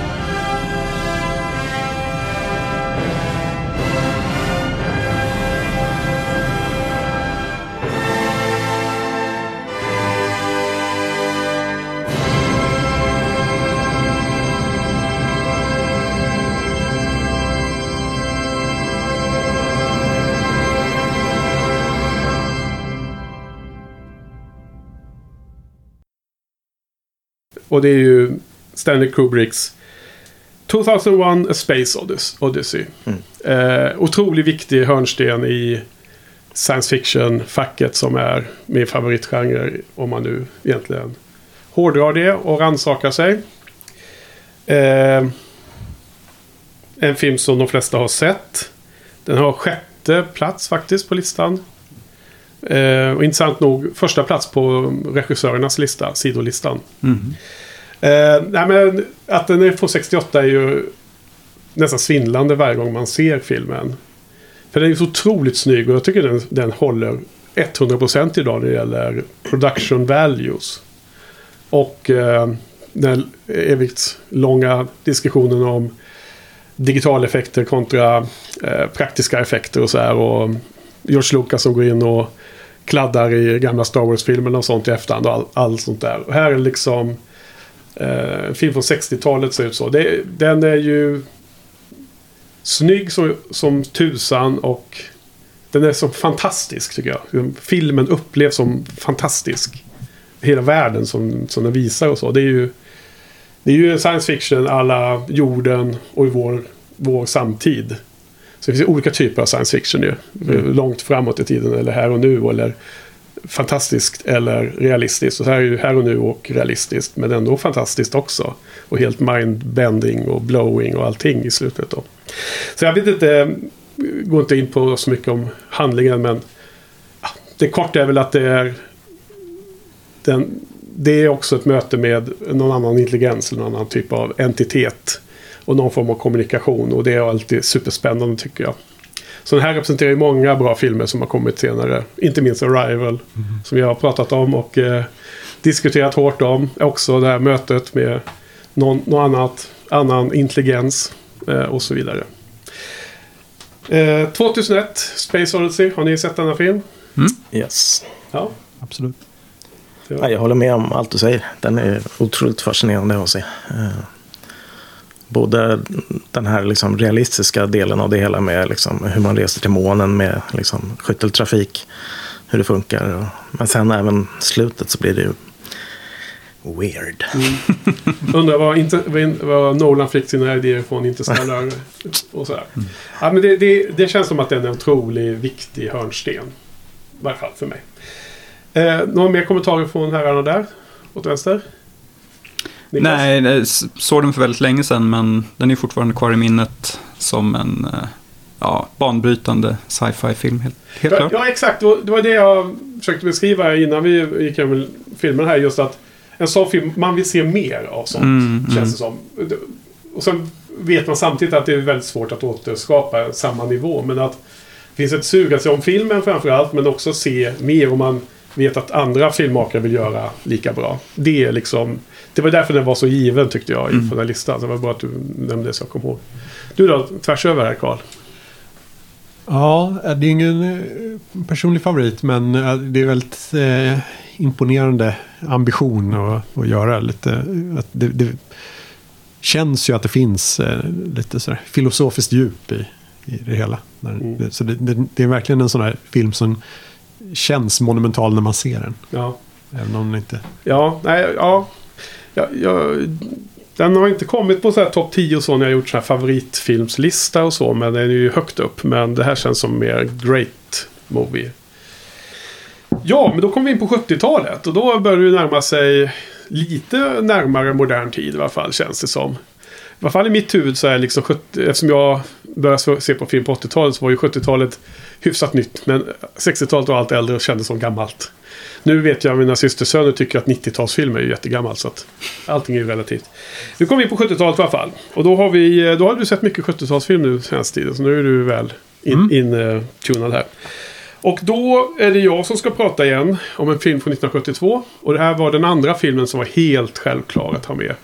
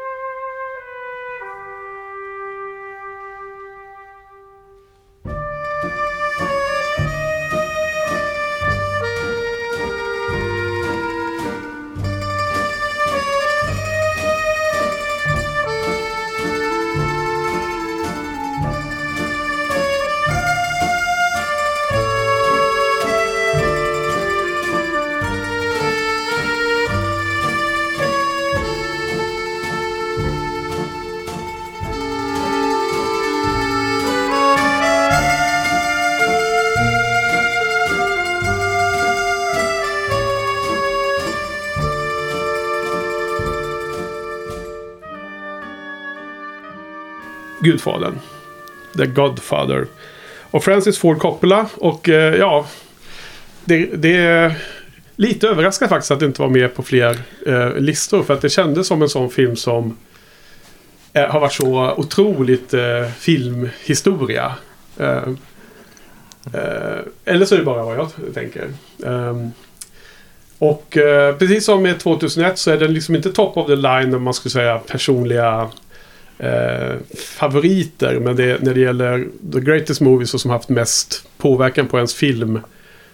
Ehm, eh, hur, man, hur man ser film och vad man gillar av film. Eh, de här två filmerna otroligt centrala. Så det är ju gangster och thriller, drama. Eh, ja. Otroliga skådespelare. eh, skådespelarprestationer och hela eh, feelingen i filmen är ju nästan i nivå med 2001 i vilken massiv upplevelse man får. Liksom, trots att det var evigt sedan jag såg den filmen första gången så man kommer ihåg väldigt mycket scener. Liksom, oavsett hur länge sedan det var man såg den filmen. Liksom ett tecken på hur otroligt eh, eh, starkt intryck det gjorde. Så, så The Godfather eh, den är ju också med på listan såklart. Den är 12 rankad just nu då, då från 2022. Men vad, vad tycker ni om den denna? Ni har sett förstås allihopa? Mm. Fem av fem. Um, otroligt bra. Uh, det är ju liksom helt galet. Jag vet inte hur Francis Ford Coppola, hur, hur gammal var han? Ja, vad kan, kan han vara? Nej, men liksom att få till den här filmen liksom. Det är, ja. Uh, ja, det är otroligt. Uh, Han hade ett starkt 70-tal. Mm. Man säga. En, ja, en fin serie. Verkligen. Eh, Det, var, det var ganska länge sedan jag såg den. Så det var därför som den liksom inte dök upp liksom så här som ett självklart val. Men eh, nästan så jag glömde bort den faktiskt. Ja, men då är det, säger det något också i sig. Ja, Jo, att det var länge sedan jag såg den tror jag. ja precis. Du då, Karl? Ja, också väldigt länge sedan jag såg den. Det har aldrig riktigt varit min genre det där. Men ja, ja den, den är ju verkligen bäst inom sin genre. Det är verkligen eh, eh, har mycket som har byggts ovanpå den där. Mm. Det, ja, det är något speciellt med Coppola. Om man jämför med andra sådana där så eh, lyckas han verkligen eh, göra de här mastodontgrejerna. Som- Ja, det är kanske det du är inne på Johan, det här med hans ålder. Jag vet inte hur gammal han var just då, men oavsett så gjordes ju filmen med en extrem självsäkerhet, känns det som. Ja, Alltså, det känns som en regissör som har järnkoll när han gör den filmen. ja någon, någon känd, han han lyckas få in någon sorts väldigt köttig känsla i den. Och inte sådär sterilt som Kubrick och flera andra Ja. av de där. Helt annan känsla. Ja. Mm. Ja, Det är imponerande. ja. Du då, Niklas? Jo, men jag håller med Karl att det är inte heller min favoritgenre och det var länge sedan jag såg den. Men jag minns den ju som väldigt episk. Och eh, den blir väl kanske ännu bättre om man ser den eh, ja, men, tillsammans med tvåan. Som bygger vidare på universumet och gör liksom helheten ännu starkare. Mm. Ehm, och det har väl tvistats om vilken av filmerna som är bäst. Men Ja, precis. Eh, jag tror att många håller tvåan som starkare, men personligen tycker jag ettan är bättre. För jag tror Mm. tvåan har... Den är lite splittrad, den har lite Mm. svagare partier nere i Miami där. Eh, som jag inte tycker är good enough. Och det, liksom, ettan är mer massivt bra Mm. hela igenom. mm, Eh, Men det är intressant. Något år när jag tittar på de här gamla sajten Soundlistorna så hade de klumpat ihop ettan och tvåan till en post. Det kändes väldigt orättvist. på något sätt. Jag vet inte hur de räknade det för vissa. De kanske gjorde ett medel av dem. Eller något sånt där. Men nu står de på olika platser i alla fall. Och jag tror att ettan är högre rankad nu. Mm. Jag är inte helt säker. Men det är alltid så. Ibland kan en, en uppföljare vara bättre. Men det är inte det vanligaste. Tycker ni tvåan är bättre eller? Nej, jag tycker ettan är bättre. Det är lite det här med eh, Robert De Niro i Italien. Ja. Det är också lite, kändes lite så här. Ja, Det blir en annan, En annan- annan film nästan. ja. Mm. Du Carl, någon, har några chips inne på bordet i den frågan? Nej, jag kan, Nej. kan hålla med om det. Okej, eh, och då eh, nästa film vi ska prata om från 70-talet. Då hoppar vi fram ända fram till 1979.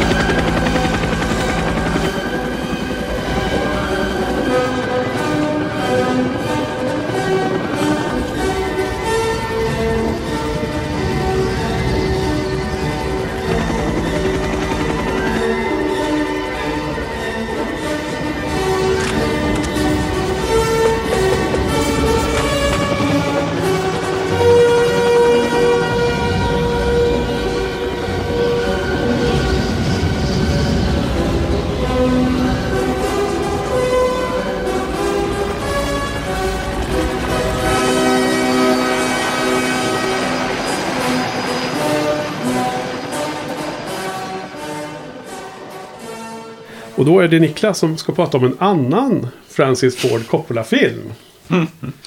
Vad har vi där då? Ja, men det är ju Apocalypse Now, Ja, förstås. Som är väl... ehm, har ju kommit ett helt gäng Vietnamfilmer. Eh, och det här är väl liksom...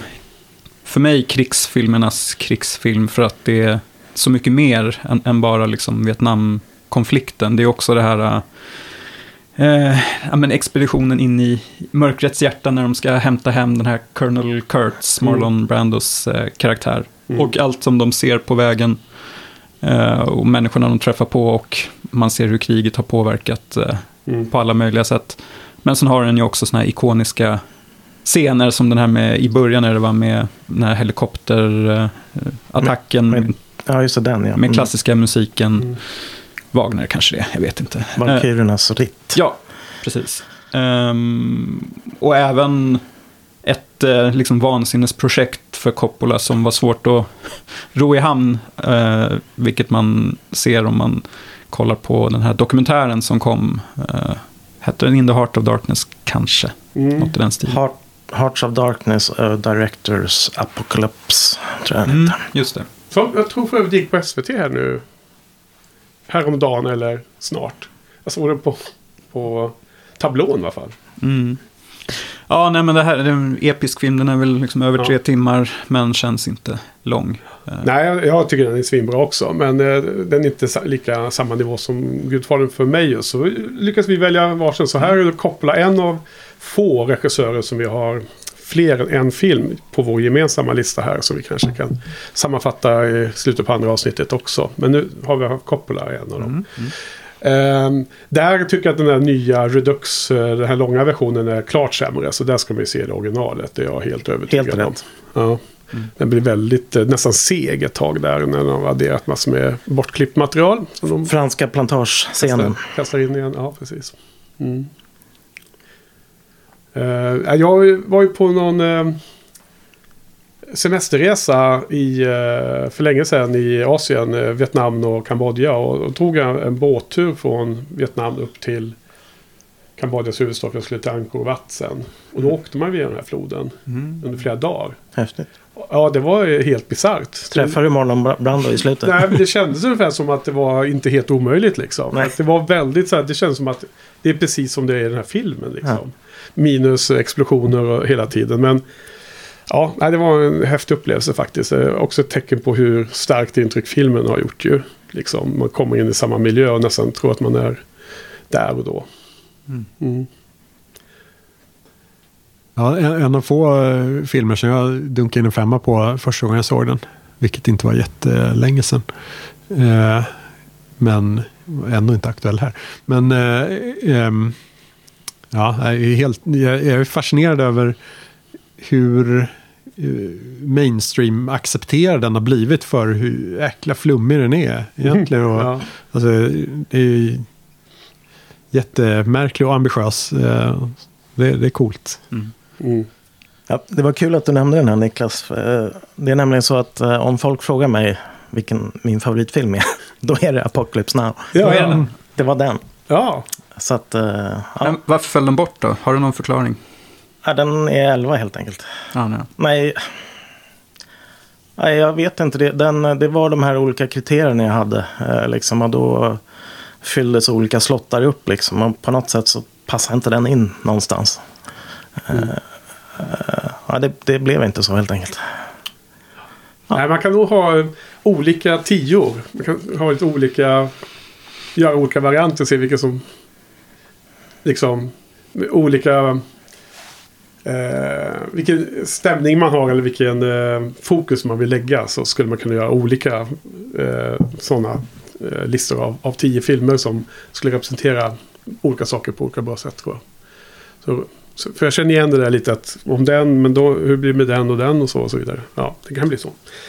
Ja, men den är i alla fall väldigt bra. Den är också med på listan. Eh, på 19 plats då. Så att Coppola har två topp 20 där minst. Jag, jag har inte skrivit upp alla utan bara de som matchar här. Sen nu, nu går vi in på 80-talet. Eh, vi börjar närma oss slutet här på detta avsnitt. Vi har tre filmer kvar att prata om.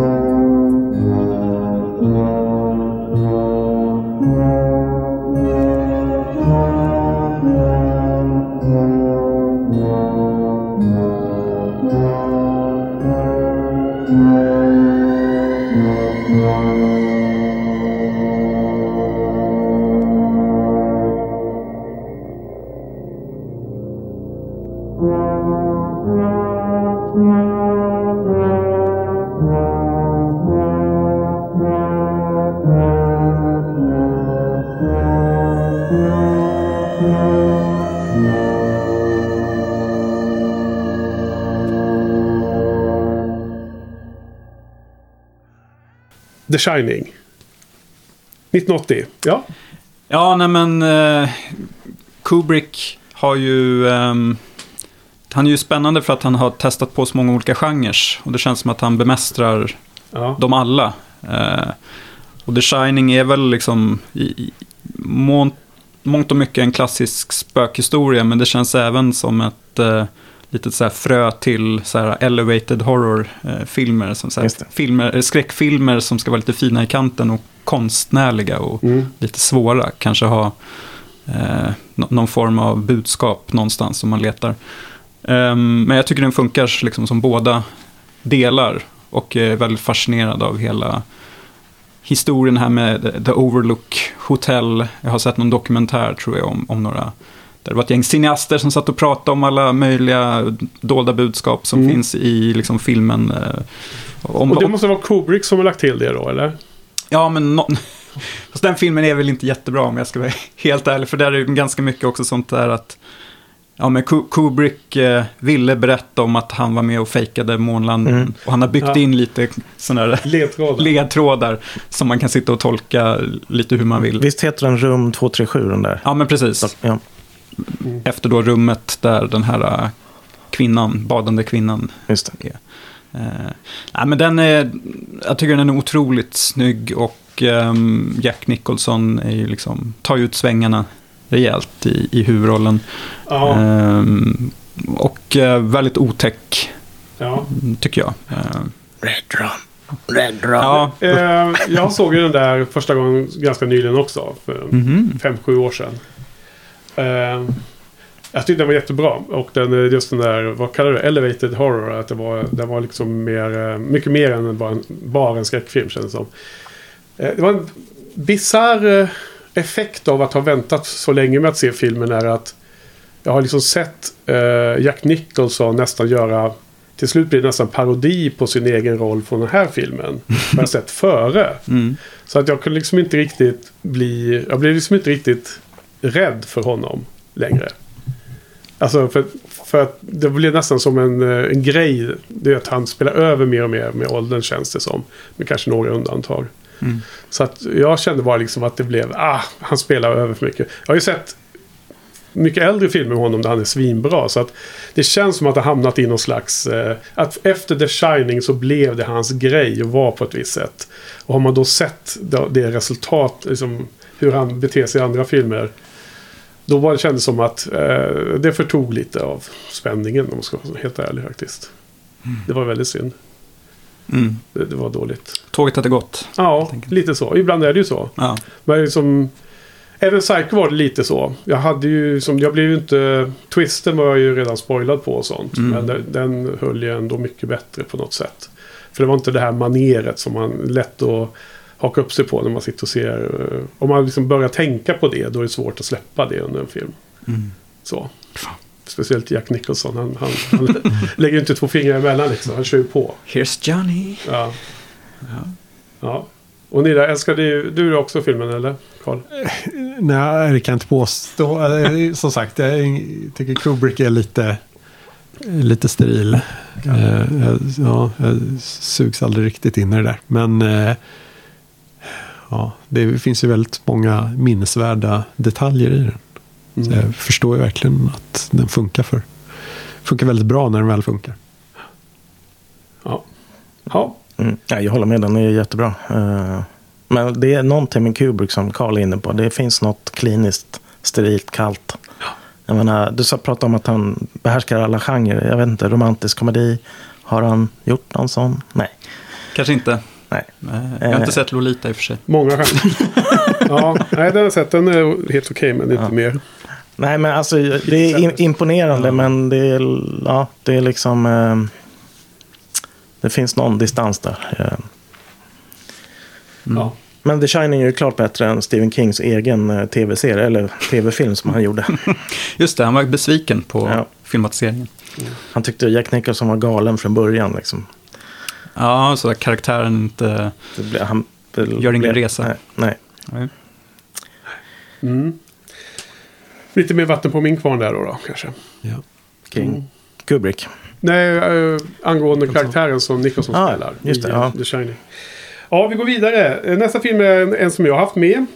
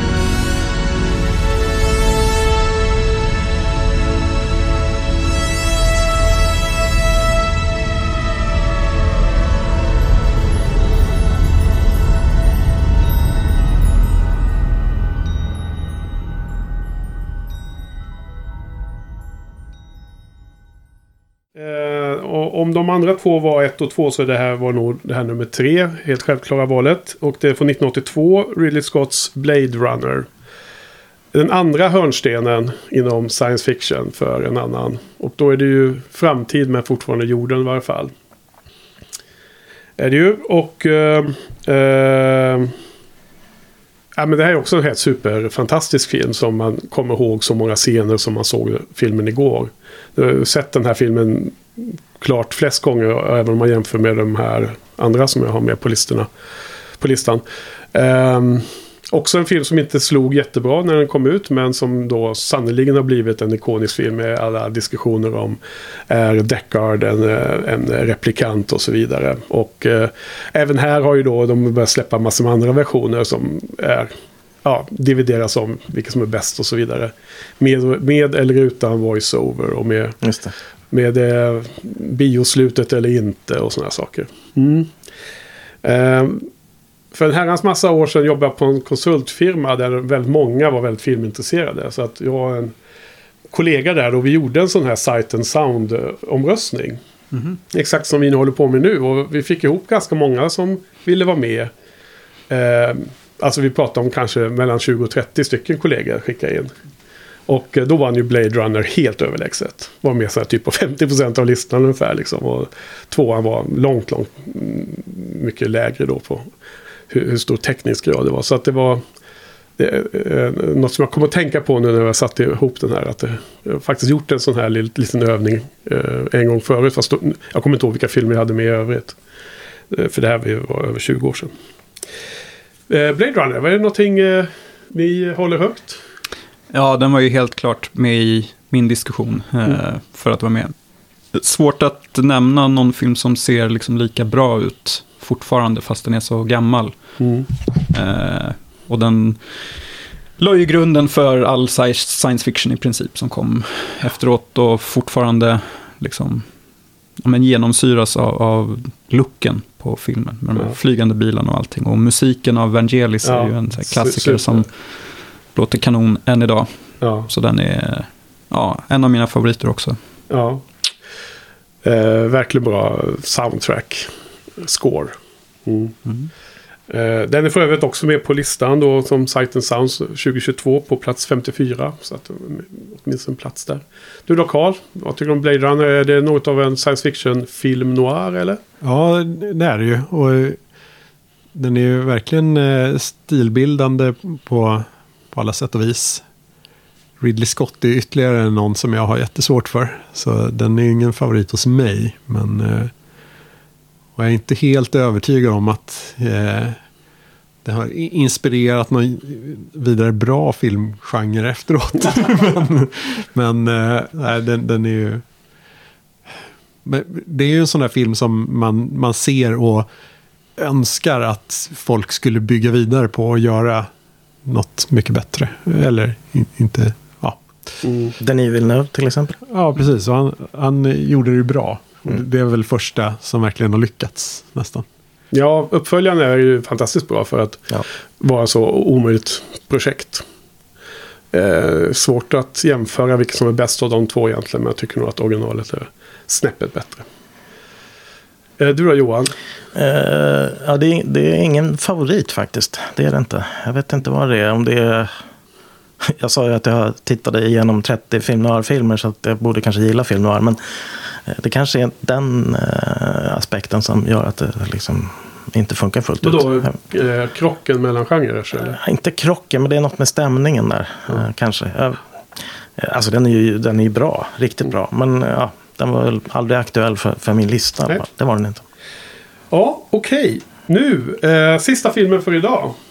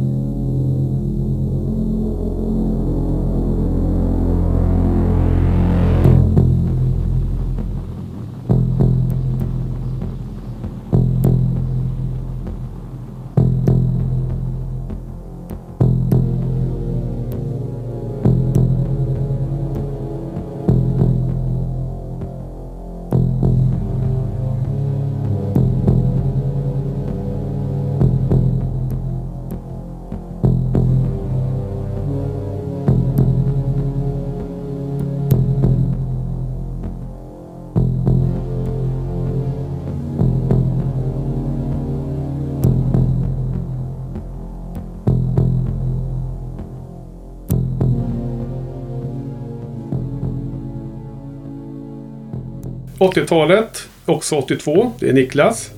Och det här är en film som, skre- som skrämde skiten ur mig när jag var ung. Och på 80-talet och såg den här filmen. Så. Vilken är det du har med här från 82? Det är ju John Carpenters The Thing. Ja, Som, eh, superfilm. ja, hur högt upp var den på deras topp 100-lista Henke? Ja, den är inte rankad. den är inte med där. Den är inte lika kr- kreddig som vissa andra. Nej, och det är väl den filmen jag känner mest kanske. eh, Det, den, det är svårt att argumentera för den mer än att den liksom bland, blandar alla mina favoritgenrer med, med skräck och, och rymdtema och ehm, thriller. ehm, och he- Snö. snö. Snö är otroligt, den bästa snöfilmen kanske. Monster. Eh, Monster, precis. Monsterdesignen är ju fenomenal. Men man kan väl eh, lyfta fram den i avseendet att det här är ju faktiskt en, en remake som är Just det. klart bättre än originalet som jag faktiskt har sett. Eh, Okej, när, när kommer den ifrån då? Är det 50-talet? 50-tal. Var det inte mycket något- monsterfilmer då? Jo, Det glömde vi säga. originalet är ju liksom typisk sån här monsterfilm som kom då med, med ja, inget som håller jättebra idag, Mm. skulle jag vilja påstå. Till skillnad från den här då. Ja. Eh, och John Carpenter vill jag ju gärna ha med också för att han har ju lagt grunden till mycket av det jag gillar idag. Och även den musiken jag lyssnar på Mm. idag. Eh, även fast just det här soundtracket gjorde han ju faktiskt inte själv, utan det var ju Ennio Morricone som skrev musiken. Som då Carpenter sen valde bort mycket av det för att han ville ha det som lät mest som hans egen, mer så här syntbaserade, en, enkla melodislinga. Eh, så det är, det är en väldigt Carpentersk film som, som också har mycket av hans teman med liksom folk som blir eh, lite paranoida då ute på den här utsatta platsen på Antarktis. Är det Ar- Jag tror att det är Arktis. Arktis. I norr, tror jag. Ja, där, där det är ju något form av liksom... Ja, Jag vet inte. Var det fel eller? Ingen aning. Nej. Är det, Det bara känns så eftersom det var norrmän i nästa... Ja, camp. precis. Norrmännen är ju där Och jag också bara tänker att det är där uppe då. Ja, Det kan vara söder också. kan vara. Mm. Men, ehm, ja, men det här att eh, gradvis så bryts det ju ner det, det här, eh, den här kamratskapen i det här lägret för att folk eh, börjar misstro varandra. Att vem Mm. som har då smittats av det här viruset och inte liksom är den man tror. Pandemi. Pandemi. Ja, det är jäkligt coolt när de ska testa sina blod med Ja. den här Ja. glödande bästa scenen? lilla metallgrejen. Ja. För att se vilket blod som försöker skydda sig. Ikoniska scener liksom inom skräckfilm, skulle jag vilja påstå. Mm. Och bra, jäkligt bra slut. En viktig poäng. Ja, Hade det varit pajigt slut så hade nog inte filmen nej. kommit ihåg lika mycket. Väldigt så här, en en av de första gångerna jag såg ett väldigt så här, öppet slut. Ja. Och började fundera på vad betyder det här egentligen. Ja. Eh, och precis som... Det är ganska givet att uh, Kurt Russell är smittad, va? Är det inte? Ja, jag tror det har slagits fast. Ja. Lite. Ja. Kanske inte var så öppet, men, men det är väl också... Ja, Nej, men jag visste inte då heller. Men Nej. nu känns det väl som att det är väl mer eller mindre etablerat, eller? Ja, ja, det är mycket möjligt. Men den, den var ju precis som Blade Runner in, inte framgångsrik när den kom. Utan den byggdes ju upp på... Nej, men när folk såg den på VHS så Mm. liksom började det bli en kultfilm. Mm. Eh, 80-talet var härligt. Det är mycket Ja. bra grejer där. hade kunnat haft mer 80-tal, Ja. känner jag. Men ja. Ja, eh, monstereffekterna håller än idag, eller vad säger du, Carl? Ja, det kontroversiellt påstående. Men äh, har inte ni slagit fast i späckat att 80-talet var sämsta årtiondet? Jag för mig. Jag tror vi var lite delade där. Men att Tarantino sa ju att 80-talet var sämsta. Ja, ja, ja. Eh, Och det kunde inte Det jag kan- riktigt Det hålla kan med inte om. vara sant. Det, det är ju kanske det roligaste. Man kan säga att vi har ju ett eh, decennium som vi inte har kommit till ännu som är absolut favoriten i den här gruppen. Mhm. Det ska vi inleda nästa veckas program med. Mhm. Spännande. Det, det är det som kommer precis jättenära 80-talet. Okej, undrar. Det känner man. Ja. Nej, jag, jag har aldrig riktigt förstått den här omvärderingen av Carpenter. Att han har börjat smyga in i finrummet. ja, men det gör de alla. Hitchcock Men, har gjort det, Clinton har gjort det Ja, och sådana. Inte på Sight and Sound dock. nej, precis. Så där finns det Det, fortfarande. det är nästa mur att bryta igenom. Men är inte um, Alla helgons blodiga natt med där? Halloween. Halloween. Den borde Eh, jag har inte kollat upp det, Jo. den, eh, så jag vet inte just nu. Men eh, den såg också ganska nyligen för övrigt. Den var ju väldigt bra. Det känns ju som det mer så här, om vi ska säga korrekta valet. K- Om, Kreddiga. Mm. kreddiga valet. Ja, precis. Det här är ju lite sci- sci-fi-inslag i detta. I och med Mm. att det är något alien-aktigt va? I, eh, I djuret. Eh, det börjar med. Men det är faktiskt inte en av mina fyra hörn, hörnstenar. Det får man en femte som stö, stötte. Stöttepelare. Ja, en liten extra sten. Stö, stötesten. Som vi är där. Ja, men vad bra. Men det, då har vi gått igenom från 1920-talet ända upp till 1980-talet. Och sen under nästa avsnitt så ska vi komplettera med 90-tal, 00-tal och så vidare. Hur långt vi nu kommer. Och sen ska vi avsluta det nästa program med de eh, få filmer som vi har. Eh, som dyker upp på flera listor. Så att vi ska ändå promota dem lite. Det blir en liten, eh, liten extra knorr i slutet med de filmerna som vi nu har hoppat över. Jag är säker på att några av er kanske undrar vart tog den filmen i vägen och så. Men då är det de som kommer i slutet av nästa veckas program. Aha. Så att då kan ni fundera på det. Jag ska hem och sover. Eh, Men eh, ja. Är vi laddar nu inför 90-talet? Detta massiva. Vi har en, en absurd hög filmer från 90-talet att prata om nästa vecka. Kul. Det blir jättespännande. Ja. Det är väldigt, eh, det, som jag sa, det är lite skick, skiktat, lite olika. Det är som, man kan nästan se att har, alla har varsitt om, tidsera som är fokus på. Det är också lite kul att se. När den här lilla övningen har blivit så. Okej, några eh, sista ord för dagens? Jag skulle bara säga att uh, The Thing, uh, som Niklas pratade om här, tycker jag också är riktigt bra. Nu såg jag den lite sent kanske. För jag vet att min favoritfilm av Carpenter är ju Flykten från New York. Ja, den är också härlig. Ja. För den såg jag liksom när jag var typ, inte vet jag, 15 eller någonting. Mm. Och varit så otroligt fascinerad. Det var ju helt, vilken värld liksom. Eh, så blev det inte riktigt när jag såg The Thing då, men ja. Nej. Riktigt häftiga specialeffekter i den i alla fall. Och ser man en film för sent så kan tåget ha gått lite faktiskt. Man är inte riktigt eh, Mottaglig. i rätt i tiden. Eh, hade du något om The Thing med? Nej, du har redan uttalat dig. Jag har redan sågat. Ja, du har redan sågat det. Bra. Men då, då tackar jag för idag. Så på återhörande så får vi eh, prata om lite mm, modernare filmer nästa avsnitt. Yes. Bye.